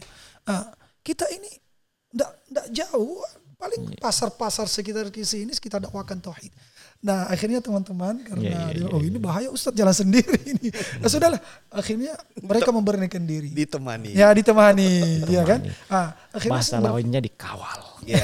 jadi akhirnya eh, apa? Akhirnya eh, muncul ide, ya bagaimana kalau kita bagi-bagi hadiah, ya, ya kan? Jadi kalau ada orang eh, tidak suka, kan kalau dikasih hadiah kan jadi senang, Iya kan? Kata Rasulullah SAW, eh, tahadu, tahabu, Ah, saling memberi hadiah lah kalian, maka saling mencintai. Nah, ini juga eh, rahasia ini, Ustaz. Iya iya iya iya. iya. Rahasia umum. Ada rahasia dalam rumah tangga di sini. Ya. Oh iya iya. Kalau iya, ada iya, yang iya. saling membenci, ya, Iya, iya, iya. suruh saling memberi hadiah, biar saling, ah, ya mungkin Itu materi lain itu. materi lainnya. Nanti kita podcast berikutnya. Anda tidak berani ngomong. Tapi sudah ada inspirasi dari Ya, sana. jadi eh, metode Rasulullah SAW di antaranya seperti itu. Orang-orang yang baru masuk Islam itu dikasih hadiah lebih banyak, gonimah Iya, yang lebih banyak. Betul. Takliful qulub. Betul, sahih. Ya dibanding sahabat yang sudah lama karena sudah kuat imannya. Jadi orang-orang awam ya itu eh, walaupun awalnya kita ajak mereka melalui hadiah, tapi pada akhirnya kalau sudah masuk tauhid, insya Allah taala pada akhirnya dia tidak akan peduli lagi, tidak tidak ingin lagi hadiah-hadiah seperti itu. Yang penting belajar tauhid. Jadi itu hanya sekedar untuk takliful qulub. Alhamdulillah. Jadi eh, kami dakwah di pasar-pasar, kami bagi-bagi hadiah tersebut itu respon masyarakat luar biasa. Dan masya Allah eh, banyak pengalaman yang eh, yang kami dapatkan di lapangan itu membuat semakin kita semangat untuk berdakwah tauhid. Ternyata masyarakat kita itu masih sangat-sangat eh, fakir ya, Ma- masih sangat-sangat miskin ilmu tentang tauhid. Mereka kemudian Ustadz kami tidak tahu kalau ternyata selama ini yang kami lakukan itu kesyirikan. Subhanallah sampai ada yang kemarin ya eh, itu nelpon ya eh, dia nangis eh, istri saya sudah meninggal meninggalnya itu padahal dia baru-baru dari dukun gitu. Iya setelah kami dengar dakwah di pasar Subhanallah. subhanallah kami sadar ternyata itu adalah kesyirikan. Jadi eh, banyaknya ungkapan-ungkapan hati dari pengunjung pasar itu eh, ya bahwa mereka betul-betul tidak tahu kalau itu adalah kesyirikan eh, itu menjadi motivasi bagi kami untuk terus mendakwai mereka. Dan alhamdulillah metode Rasulullah Sallallahu Alaihi Wasallam dalam berdakwah kan juga demikian ya. Tidak monoton ya di satu tempat. Ya seperti sekarang ini kan salah satu metode. Kadang di atas oh, naik ke ke Bukit Sofa ya kadang di atas keledainya di perjalanan di mana pun beliau selalu berdakwah. Karena eh, seorang yang berberkah itu yaitu mengajarkan ilmu di mana pun dia berada.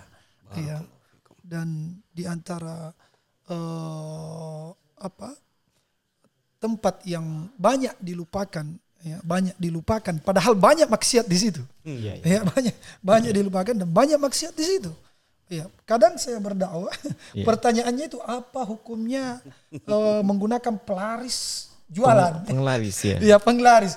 Bisa jadi di depan saya ini sedang pakai penglaris gitu. Iya, iya, jadi iya, iya. alhamdulillah itu betul-betul mengena ya, ya jadi eh, bukan berarti bahwa kita lebih mengutamakan dakwah di pasar dibanding masjid. Tidak ya jadi tetap masjid lebih afdal lebih utama Iya. tapi jangan sampai kita lupakan ya orang-orang yang ada di pasar mereka juga butuh dakwah tauhid iya dan alhamdulillah eh, ini sudah apa ya ke 17 kali atau 15 kalinya Subhanallah. ya sudah kita sudah ke ke Bantaeng satu kali kemudian Jene Ponto Iya, dengan tema yang kita usung pangisengan kami nampuria. Udah tahu kalau bahasa Sundanya nggak tahu?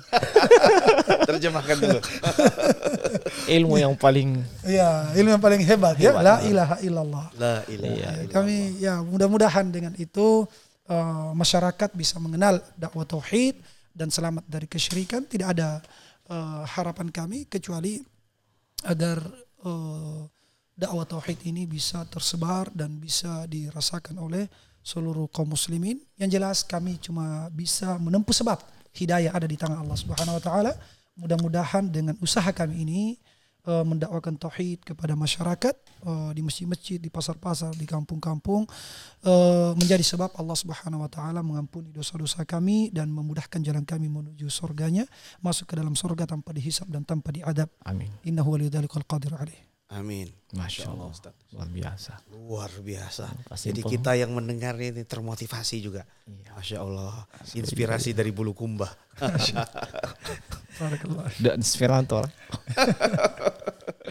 Masya Allah. Ini Ustaz Hilal.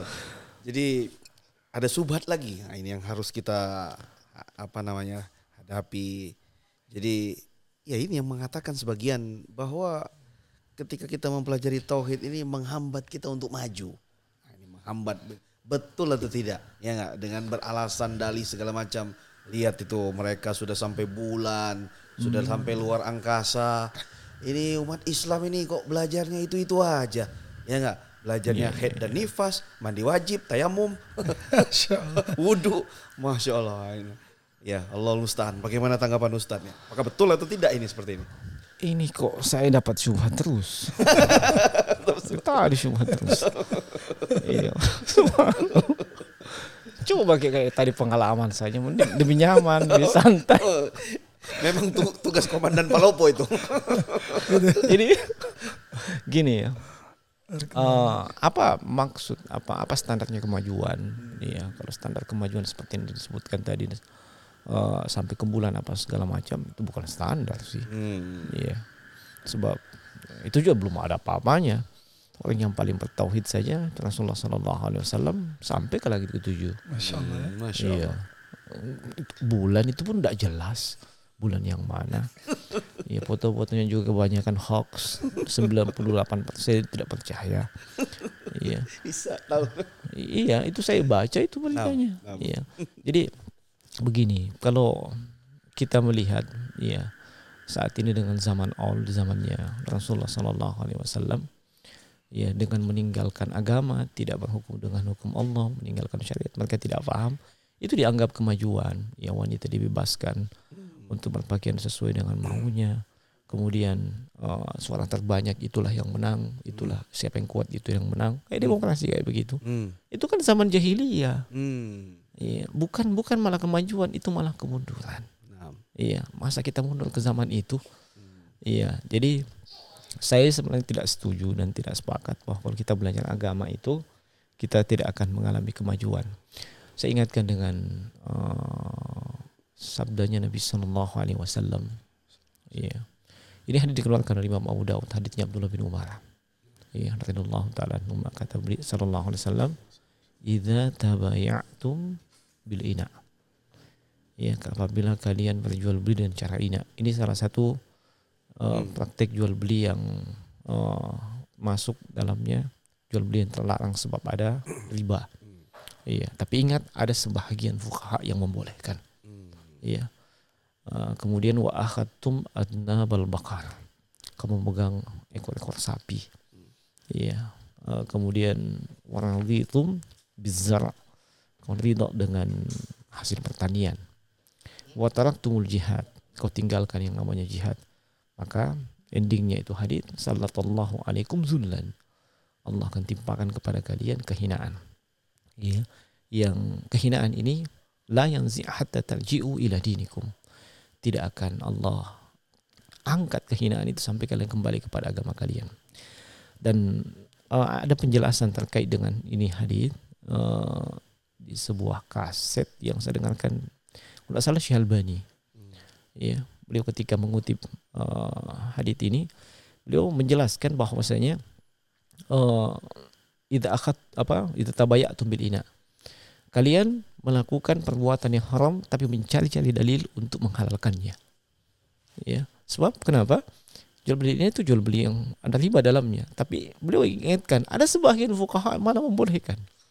Ya ada di kitab fikih kata beliau kemudian kalian ridho cinta mati dengan dunia kau di, diibaratkan pegang ekornya sapi ya ridho dengan pertanian dan meninggalkan kewajiban apa itu kewajiban disebutkan dalam hadis jihad Nah, ini semua terakumulasi.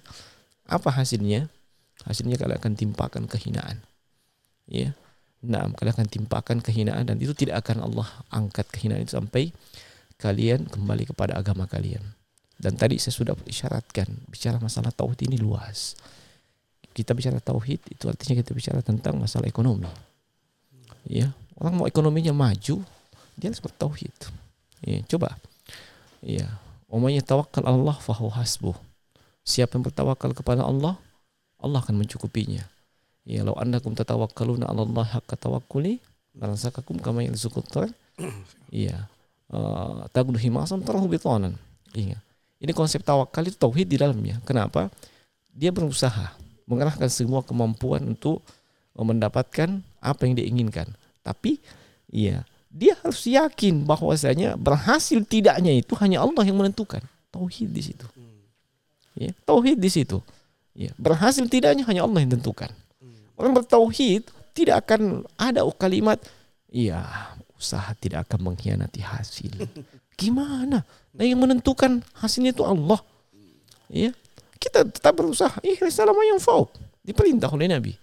Ya, selama itu perkara yang mubah silahkan. Dan itu bagian dari tawakal. Tapi penentuan hasilnya itu adalah Allah Subhanahu wa taala. Dan kalau benar itu tawakalnya, iya, kita akan diberikan rezeki yang luar biasa. Bahkan Allah janjikan akan dicukupi.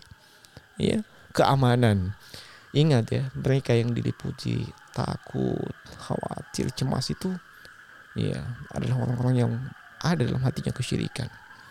Ya, sanul fi qulubil ladzina kafar bima asyraku Iya. Uh, bimalam yunazzil bihi sultana. Iya. Kami akan masukkan ke dalam hati orang kafir itu nurub, perasaan cemas, takut, tidak tenang. Nah kalau tidak tenang bisa tidak bahagia?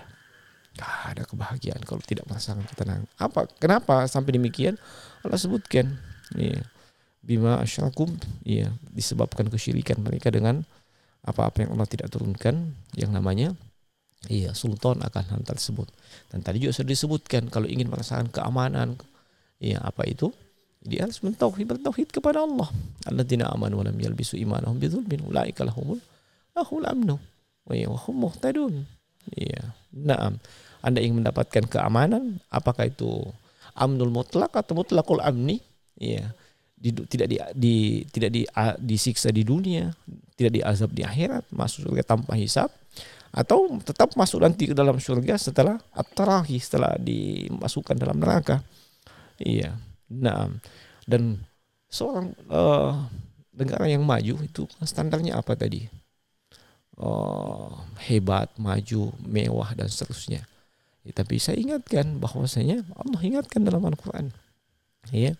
Wa idza aradna an nuhlika qaryatan amarna mutrafiha fafasaku fiha fahaqqa alaihi alqaul fadammarnaha tadmira ini surah al-isra ya ketika kami ingin menghancurkan satu kaum ya maka amarna mutrafiha kami perintahkan orang yang kaya baik dari sisi finansialnya ya perintahkan untuk apa taat kepada Allah tapi ketika mereka fafasaku fiha iya durhaka kepada Allah. Iya durhaka kepada Allah artinya mereka tidak taat. Ingat ketaatan yang paling pertama dalam Al-Quran itu adalah yang disebutkan perintah pertama adalah perintah untuk bertauhid. Ya dan larangan pertama itu larangan syirik. Ya dari Allah surah Al-Baqarah itu. Ya ya nasu rabbakum allazi khalaqakum wa alladzina min qablikum terus sampai di bawah. Sampai wala taji fala taj'alu lillahi andan wa antum ta'lamun. Perintah pertama. Ya nah maka fafasaku fiha fahqa alil qaul. Ya maka mereka berhak dengan ketentuan dari kami kata Allah.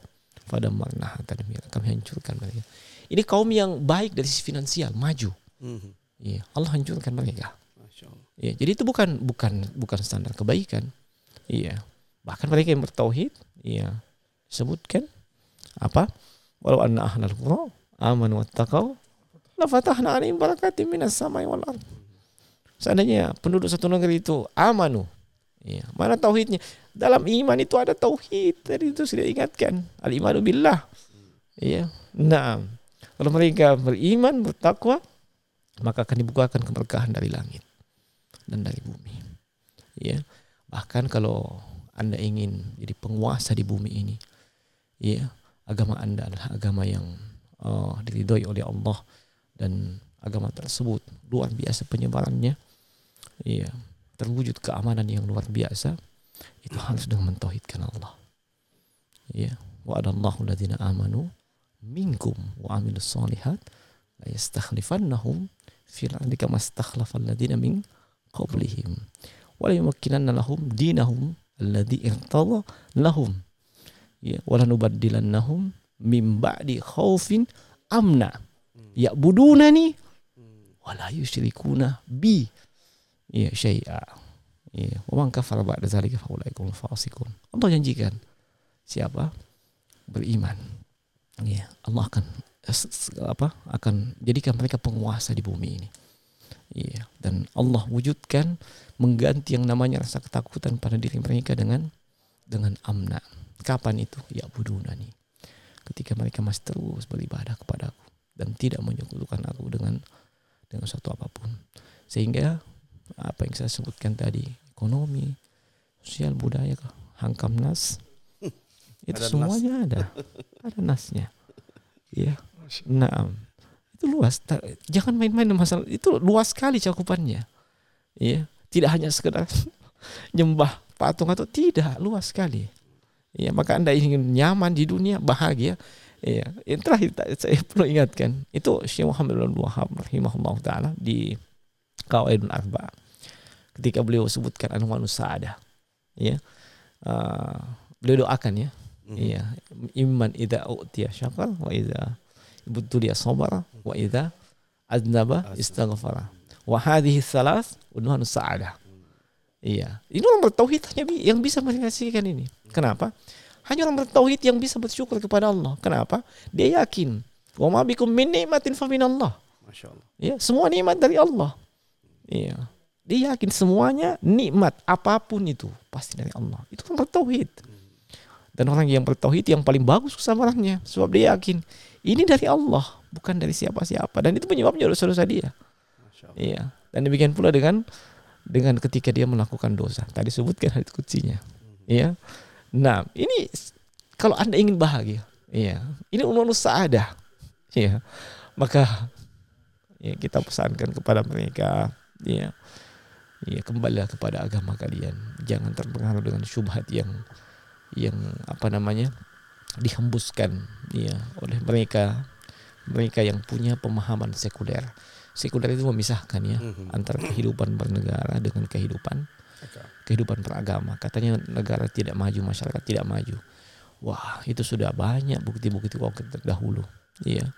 Bahkan mereka mengambil contoh Arab Saudi, mana bisa maju. Oh, masya Allah. Apanya? Mereka tidak ambil sampel yang benar. Coba di sana tingkat kejahatan berapa persen dibandingkan negara sekuler, ya? Berapa tingkat kejahatan di sana? Di sana kalau hukum, hukum potong tangan, iya. Di rajam, iya. Tapi bisa dihitung jari setelahnya siap. Tidak ada yang berani melakukan setelahnya. Kalau di negara sekuler apa yang terjadi? Iya, yang namanya pencurian, subhanallah, mencuri, minta maaf, ya, habis mencuri berapa berapa tahun? Ya, mungkin tiga bulan, enam bulan, malam mungkin dia niat mencuri lagi. Kenapa? Sebab makanan yang ada di lembaga pemasyarakatan luar biasa enaknya. ya, tiga kali sepekan itu pakai daging. Saya pribadi kadang tidak bisa makan daging tiga kali sepekan. Iya, Makan saya, hati saya. ya karena Indah yang Iya. lain. Iya, mending sebab masuk lembaga kan gratis. Di luar mesti mencuri baru bisa makan. Akhirnya apa? Apakah berkurang kejahatan? Wallahi tidak berkurang. Iya. Yang namanya perzinahan. Wah. Negara sekuler tidak disebut perzinahan, dimodifikasi, selingkuh. Iya. Entah tipis-tipis, tebal-tebal. Kalau di sana namanya perzinahan. Iya. Sekali ada yang dirajam, tidak ada yang berani. Tingkat kejahatan turun drastis. Iya. Ini negara maju. Bukannya uh, bikin sibuk apa keamanannya dengan kejahatan. Ya, wallahu alam. Sekira itu saja yang sempat saya ingat. Iya. Alhamdulillahirabbil alamin. Nah, sekarang jatah Ustadz Abu Irbat ini. Biar Ustadz Hilal nggak menyangka subhat hanya urusan beliau. Masya Allah. Nah Ustadz Zuna Abu Irbat. Nah, jadi Masya Allah ya kadang-kadang ada orang itu ya yang apa namanya berhujah dengan dalil hadis Saiton. Ya, katanya Saiton sudah berputus asa ya di Jazirah Arab, ya enggak untuk apa namanya? Sembah. subhanallah disembah ya enggak kata Nabi, hadis Nabi kan? Sallallahu alaihi wasallam inna saitana qad aisa an ya'budahil. Ya sallun fi jaziratil arab. Ya walakin fi tahrisi bainahum. Nah, bagaimana Ustaz tanggapan Ustaz?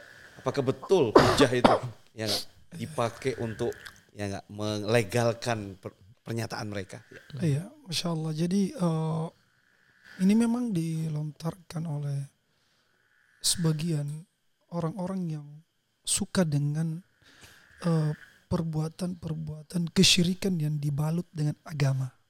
Ya, bahkan eh, mereka dakwakan ya, bahwa di zaman ini tidak ada lagi kesyirikan di tengah kaum muslimin. Iya, jadi apa yang dilakukan oleh kaum muslimin tawaf di kuburan, bernazar di kuburan, kemudian berdoa meminta kepada eh, apa penghuni kubur di Wali-wali. Iya, sangkaan mereka ini adalah wali-wali Allah itu bukan kesyirikan, berdasarkan dengan hadis itu tadi. Hadisnya benar. Iya, dalilnya benar, cuma dalam penggunaannya yang keliru. Iya. Jadi Rasulullah sallallahu alaihi wasallam bersabda, "Inna syaitan qad aisa ay ya'budu al-musalluna fi jaziratil Arab, walakin at-tahrish fi ma bainahum." Jadi eh, sungguh syaitan itu telah putus asa. Iya, untuk disembah oleh orang-orang yang mendirikan sholat kaum muslimin di Jazirah Arab sehingga yang dia lakukan adalah eh, membuat perpecahan di tengah kaum muslimin. Nah, di sini para ulama menjawab ya. Jadi ini kan bertentangan ya. Artinya faktanya kan tidak demikian. Faktanya itu mereka melakukan kesyirikan. Terjadi di tengah kaum muslimin itu terjadi kesyirikan. Iya. Jadi faktanya dan dalilnya, ya, dari dalilnya di dalam Al-Quran banyak, di dalam hadis pun banyak. Iya. Bahkan eh, di dalam hadis Abi Sa'id Al-Khudri kalau tidak salah radhiyallahu an kata Rasulullah sallallahu alaihi wasallam eh, la tattabi'anna sanana man kana qablakum. Iya. Eh, shibrin bi shibrin, shibran bi shibrin wa dhira' bi dhira'. Dhira'. Hatta law dakhalu jahra dabbin la dakhaltumuh. Qalu al-yahud wan nasara qala faman. Jadi eh, kata Rasulullah sallallahu alaihi wasallam sungguh-sungguh kalian. Ya.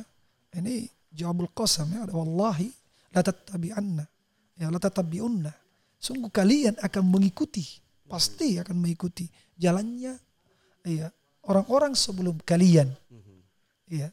Sejengkal demi sejengkal, ya sehasta demi sehasta, sampai andai kata mereka masuk ke dalam lubang biawak yang mustahil yang tidak masuk di akal, kok diikuti? Ya. Itu kaum muslim ikut masuk ke dalam, sampai dalam perkara akidah, keyakinan bahkan, ya dalam seluruh sisi penampilan, ya masuk di dalam hal ini adalah kesyirikan dan kekufuran. Iya. Apa yang dilakukan oleh orang eh, terdahulu ketika para sahabat mengatakan siapa mereka? Apakah Yahudi dan Nasrani? Kata Rasulullah, "Iya, siapa lagi? Bagaimana dengan Yahudi dan Nasrani? Iya, di antara perbuatan mereka adalah iya. Kata Rasulullah SAW, La'anallahu al-Yahud wa Nasara ittakhadhu qubur anbiya'ihim masajid. Nah, berarti kalau Yahudi dan Nasrani telah menjadikan kuburan-kuburan nabi mereka sebagai masjid, maka kaum muslim pun akan demikian. Kaum muslim kaum muslimin pun akan terjatuh di dalam hal ini menjadikan kuburan-kuburan sebagai tempat ibadah.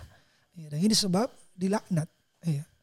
Jadi eh, dalil dan fakta di lapangan, di lapangan itu menunjukkan bahwa eh, ada dari kaum muslimin. Ya. Ada dari kaum muslimin, walaupun tidak semuanya ya, ada dari kaum muslimin yang akan terjatuh dalam kesyirikan, kekufuran. Nah, terus bagaimana menjawab eh, hadis tadi yang diriwayatkan oleh Muslim? Jadi eh, ada beberapa jawaban eh, dari para ulama. Yang pertama mereka mengatakan bahwa eh, maksudnya di situ bahwa syaitan itu ya putus asa untuk menjadikan seluruh al-musallun orang yang eh, ahli ahlul Islam, ya, ahlul qiblah, orang yang salat untuk disembah seluruhnya. Jadi putus asa kalau seluruhnya kan tidak mungkin. Ya. Kecuali nanti di mendekati hari kiamat. Ya, semuanya sudah kafir kan. Eh, tapi ini eh, di Jazirah Arab ya eh, disebutkan dalam hadis tersebut bahwa yang dimaksud di situ syaitan putus asa untuk mengkafirkan seluruh kaum muslim. Kemudian dan itu yang di, dipegang oleh uh, Ibnu Rajab Al-Hambali ya rahimahullah taala. Kemudian yang kedua uh, ada yang mengatakan bahwa maksudnya di situ bahwa di sini kan berita ya inna syaitan sesungguhnya syaitan itu sudah putus asa Kenapa dia putus asa untuk disembah, menggoda orang melakukan kesyirikan? Karena ketika itu sudah terjadi futuhat.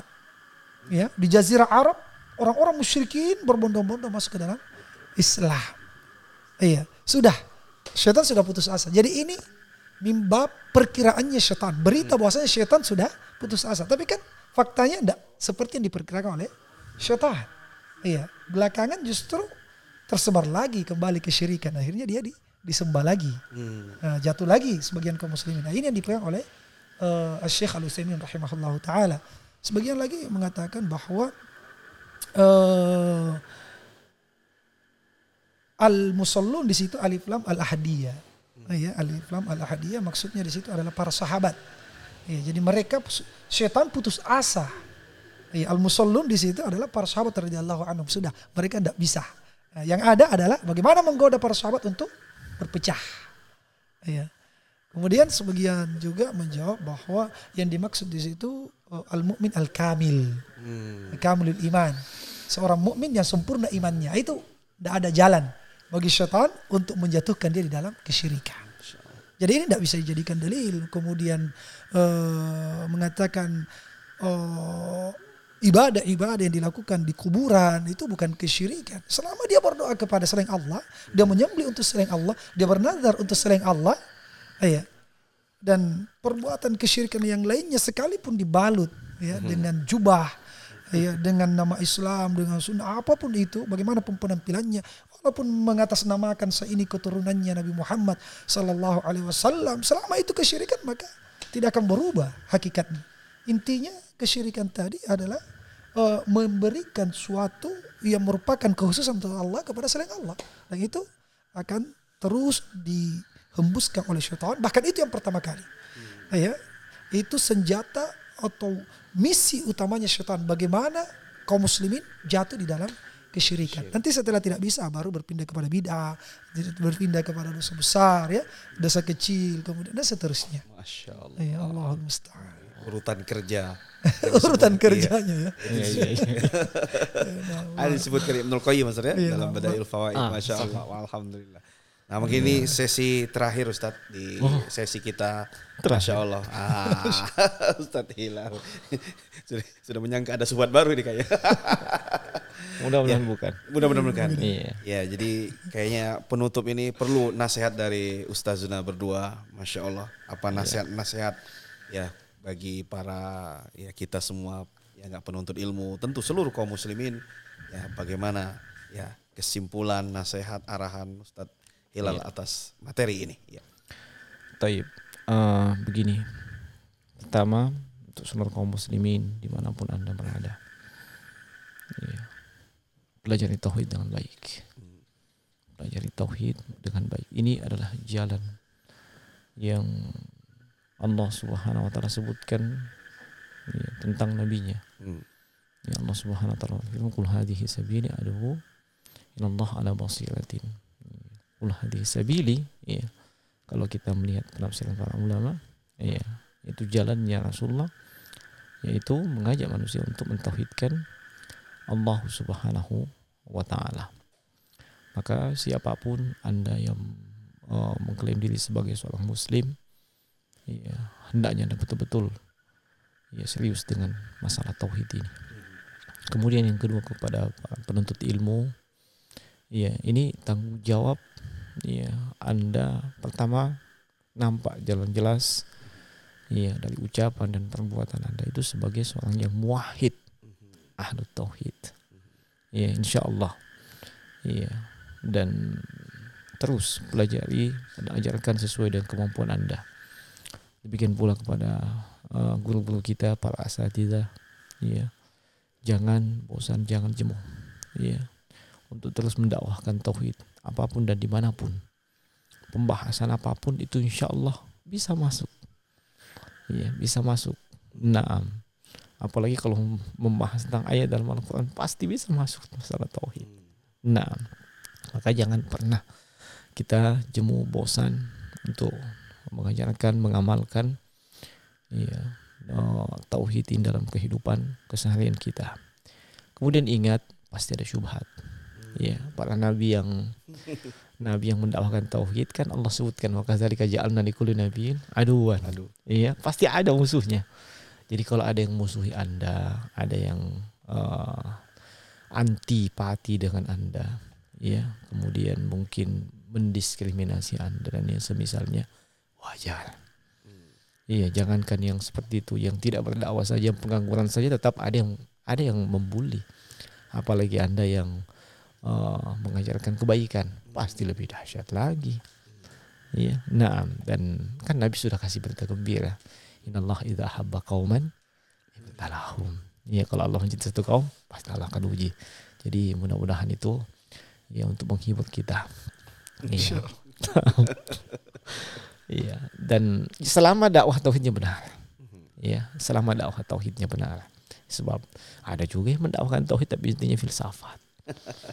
Iya tuh, ada. Iya. Iya. Itu saya tidak tahu itu apa maknanya.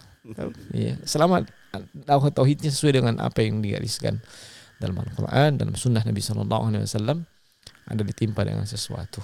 Insya Allah itu wajar. Nah bisa jadi demikian. Iya. Dan saya kira ini saja. Ya, dan setabir batin yang insya Allah lebih lengkap itu kalau nasihat beliau. Tayyib, fadal. Iya, silakan Ustaz nasihat yang lebih Iya. mantap lagi. Ya. Jadi sebenarnya sudah masya Allah ya, sudah mewakili. Eh, Ini nasihat untuk kita semua untuk tidak pernah bosan, ya, tidak pernah merasa cukup bahkan ya. Tidak boleh kita merasa cukup. Saya sudah cukup. Ya sudah full saya punya ilmu tauhid.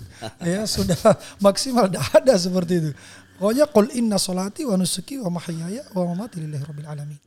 Katakanlah sesungguhnya salatku, sesembelihanku, hidup dan matiku. Iya. Itu karena Rabbul Alamin. Wala tamutunna illa wa antum muslimun. Iya, dan janganlah kalian meninggal kecuali dalam keadaan muslim. Wa'bud rabbaka hatta ya'tika al-yaqin. Dan beribadahlah kepada Rabbmu sampai al-yaqin, yaitu kematian. Ya, terus beribadah, itu terus bertauhid. Terus bertauhid. Ya, kepada Allah Subhanahu wa taala. Maka eh, saya ingatkan kepada diri saya dan kepada seluruh kaum muslimin dan muslimat. Bahkan saya menyeru kepada seluruh agama selain Islam untuk masuk ke dalam Islam. Ya. Untuk masuk ke dalam Islam oh, mentauhidkan Allah Subhanahu wa taala. Karena hakikatnya ya tauhid kepada Allah Subhanahu wa taala ini sesuai dengan fitrah. Ya, sesuai dengan fitrah. Hatta Fir'aun sekalipun yang mengaku sebagai Tuhan itu cuma di mulut. Iya hatta Fir'aun. Allah Subhanahu wa taala berfirman, "Wajahadu biha wastaqanatha anfusuhum dulman wa uluwa." Ya, dia mengingkari kebenaran mukjizat-mukjizat yang dibawa oleh Nabi Musa tentang ketauhidan Allah Subhanahu wa taala. Tapi wastaqanatha anfusuhum. Fir'aun bersama dengan para pengikutnya meyakini dalam hati-hati mereka. Maka kami menyeru kepada seluruh manusia, ya, kepada seluruh manusia, Islam ataupun non-Islam untuk kembali kepada fitrahnya ya, kembali kepada fitrahnya. Dan telah mempersaksikan Allah Subhanahu wa taala ya wahdaniyatillah keesaan Allah Subhanahu wa taala masih di alam ruh ya. Ya alastu birabbikum qalu bala. Ya, mereka eh, sudah mengakui akan keesaan Allah Subhanahu wa taala dan itu fitrah mereka. Maka kami mengajak seluruh manusia untuk kembali kepada agama Nabi Ibrahim alaihissalam yaitu mentauhidkan Allah Subhanahu wa taala dan kepada uh, seluruh dai kepada seluruh dai dan penuntut ilmu. Iya. Siapa pun yang mengetahui ilmu tauhid ini sebarkan. Iya, baik di media sosial. Iya, bikin status per, perbanyak status ber, yang berkenaan dengan tauhid.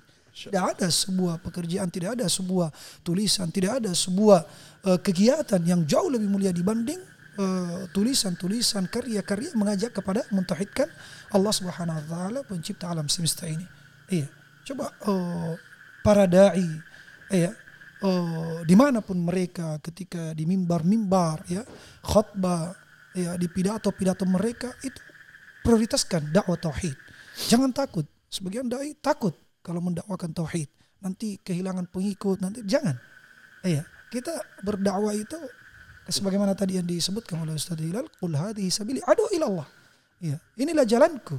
Jalannya Rasulullah SAW. Adu'u ila Allah. Saya menyuruh kepada Allah. Maka berbangga dengan mengikuti jalannya Rasulullah SAW. Kita sedang melanjutkan tongkat estafet dakwanya para nabi. Maka jangan pernah khawatir, jangan pernah takut. Ya, di dalam mendakwakan ini bahkan merasa mulia. Ya, dan ketahuilah uh, untuk para dai ini untuk saya hakikatnya ya. Uh, lebih utama tentunya saya bagikan melempar bola ke dinding tentunya pantulannya ke saya lebih hmm. lebih kuat. Iya. iya. Bahwa bagi seorang uh, dai itu uh, mendakwakan tauhid ya. Uh, memang resikonya tentu kita sudah tahu bagaimana hmm. uh, nabi-nabi ya, ya yang telah berlalu ya. Rasulullah sendiri dengan akhlak yang sangat mulia dan seterusnya dikatakan syair majnun ya dilempari batu maka tidak boleh kita kemudian mundur ya selangkah pun ya.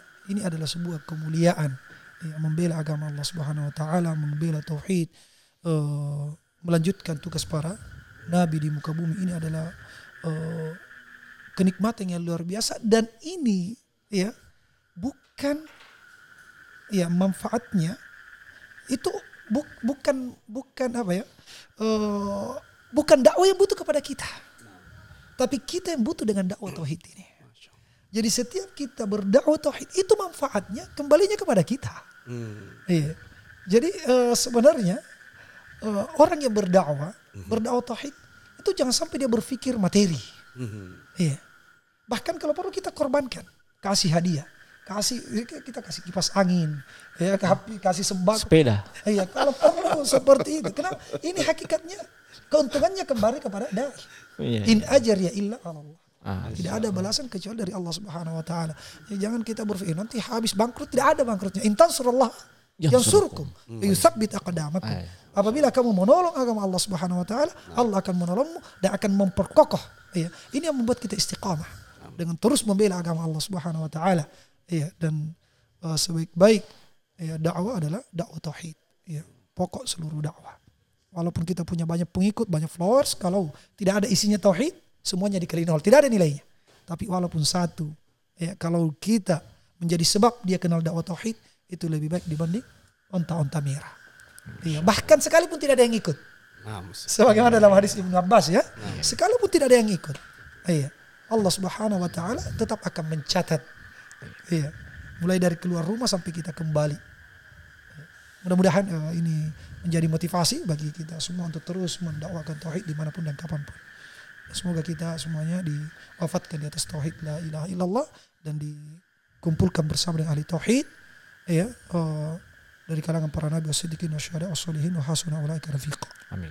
Amin ya rabbal alamin. Alhamdulillahirabbil alamin. Alhamdulillazi bi ni'matihi tatimmu shalihat setelah kita dengarkan nasihat penutup yang indah dari kedua guru kita Al Ustadz Hilal Abu Naufal dan Al Ustadz Abu Irbad Hafizuhumullah Ta'ala maka berakhirlah podcast ya yang indah malam hari ini Masya ya. Allah. Ya.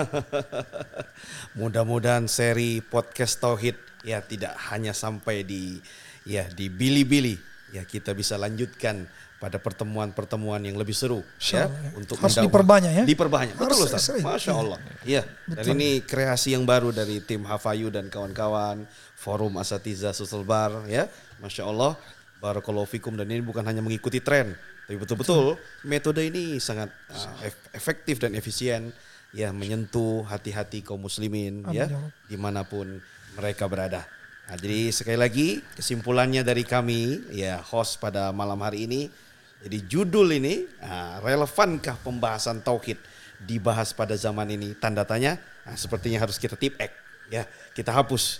Bahkan urgensi pembahasan tauhid itu tidak berkurang walaupun satu titik pun. Ya, ke, keagungan, keutamaan, kemuliaan pembahasan tauhid itu tidak berkurang sedikit pun juga. Ya, seperti yang dijelaskan. Bahkan kita yang butuh akan pembahasan dan dakwah tauhid tersebut. Dan yang kedua kesimpulannya seperti yang dijelaskan dua gurunda kita yang mulia ini jangan lupa.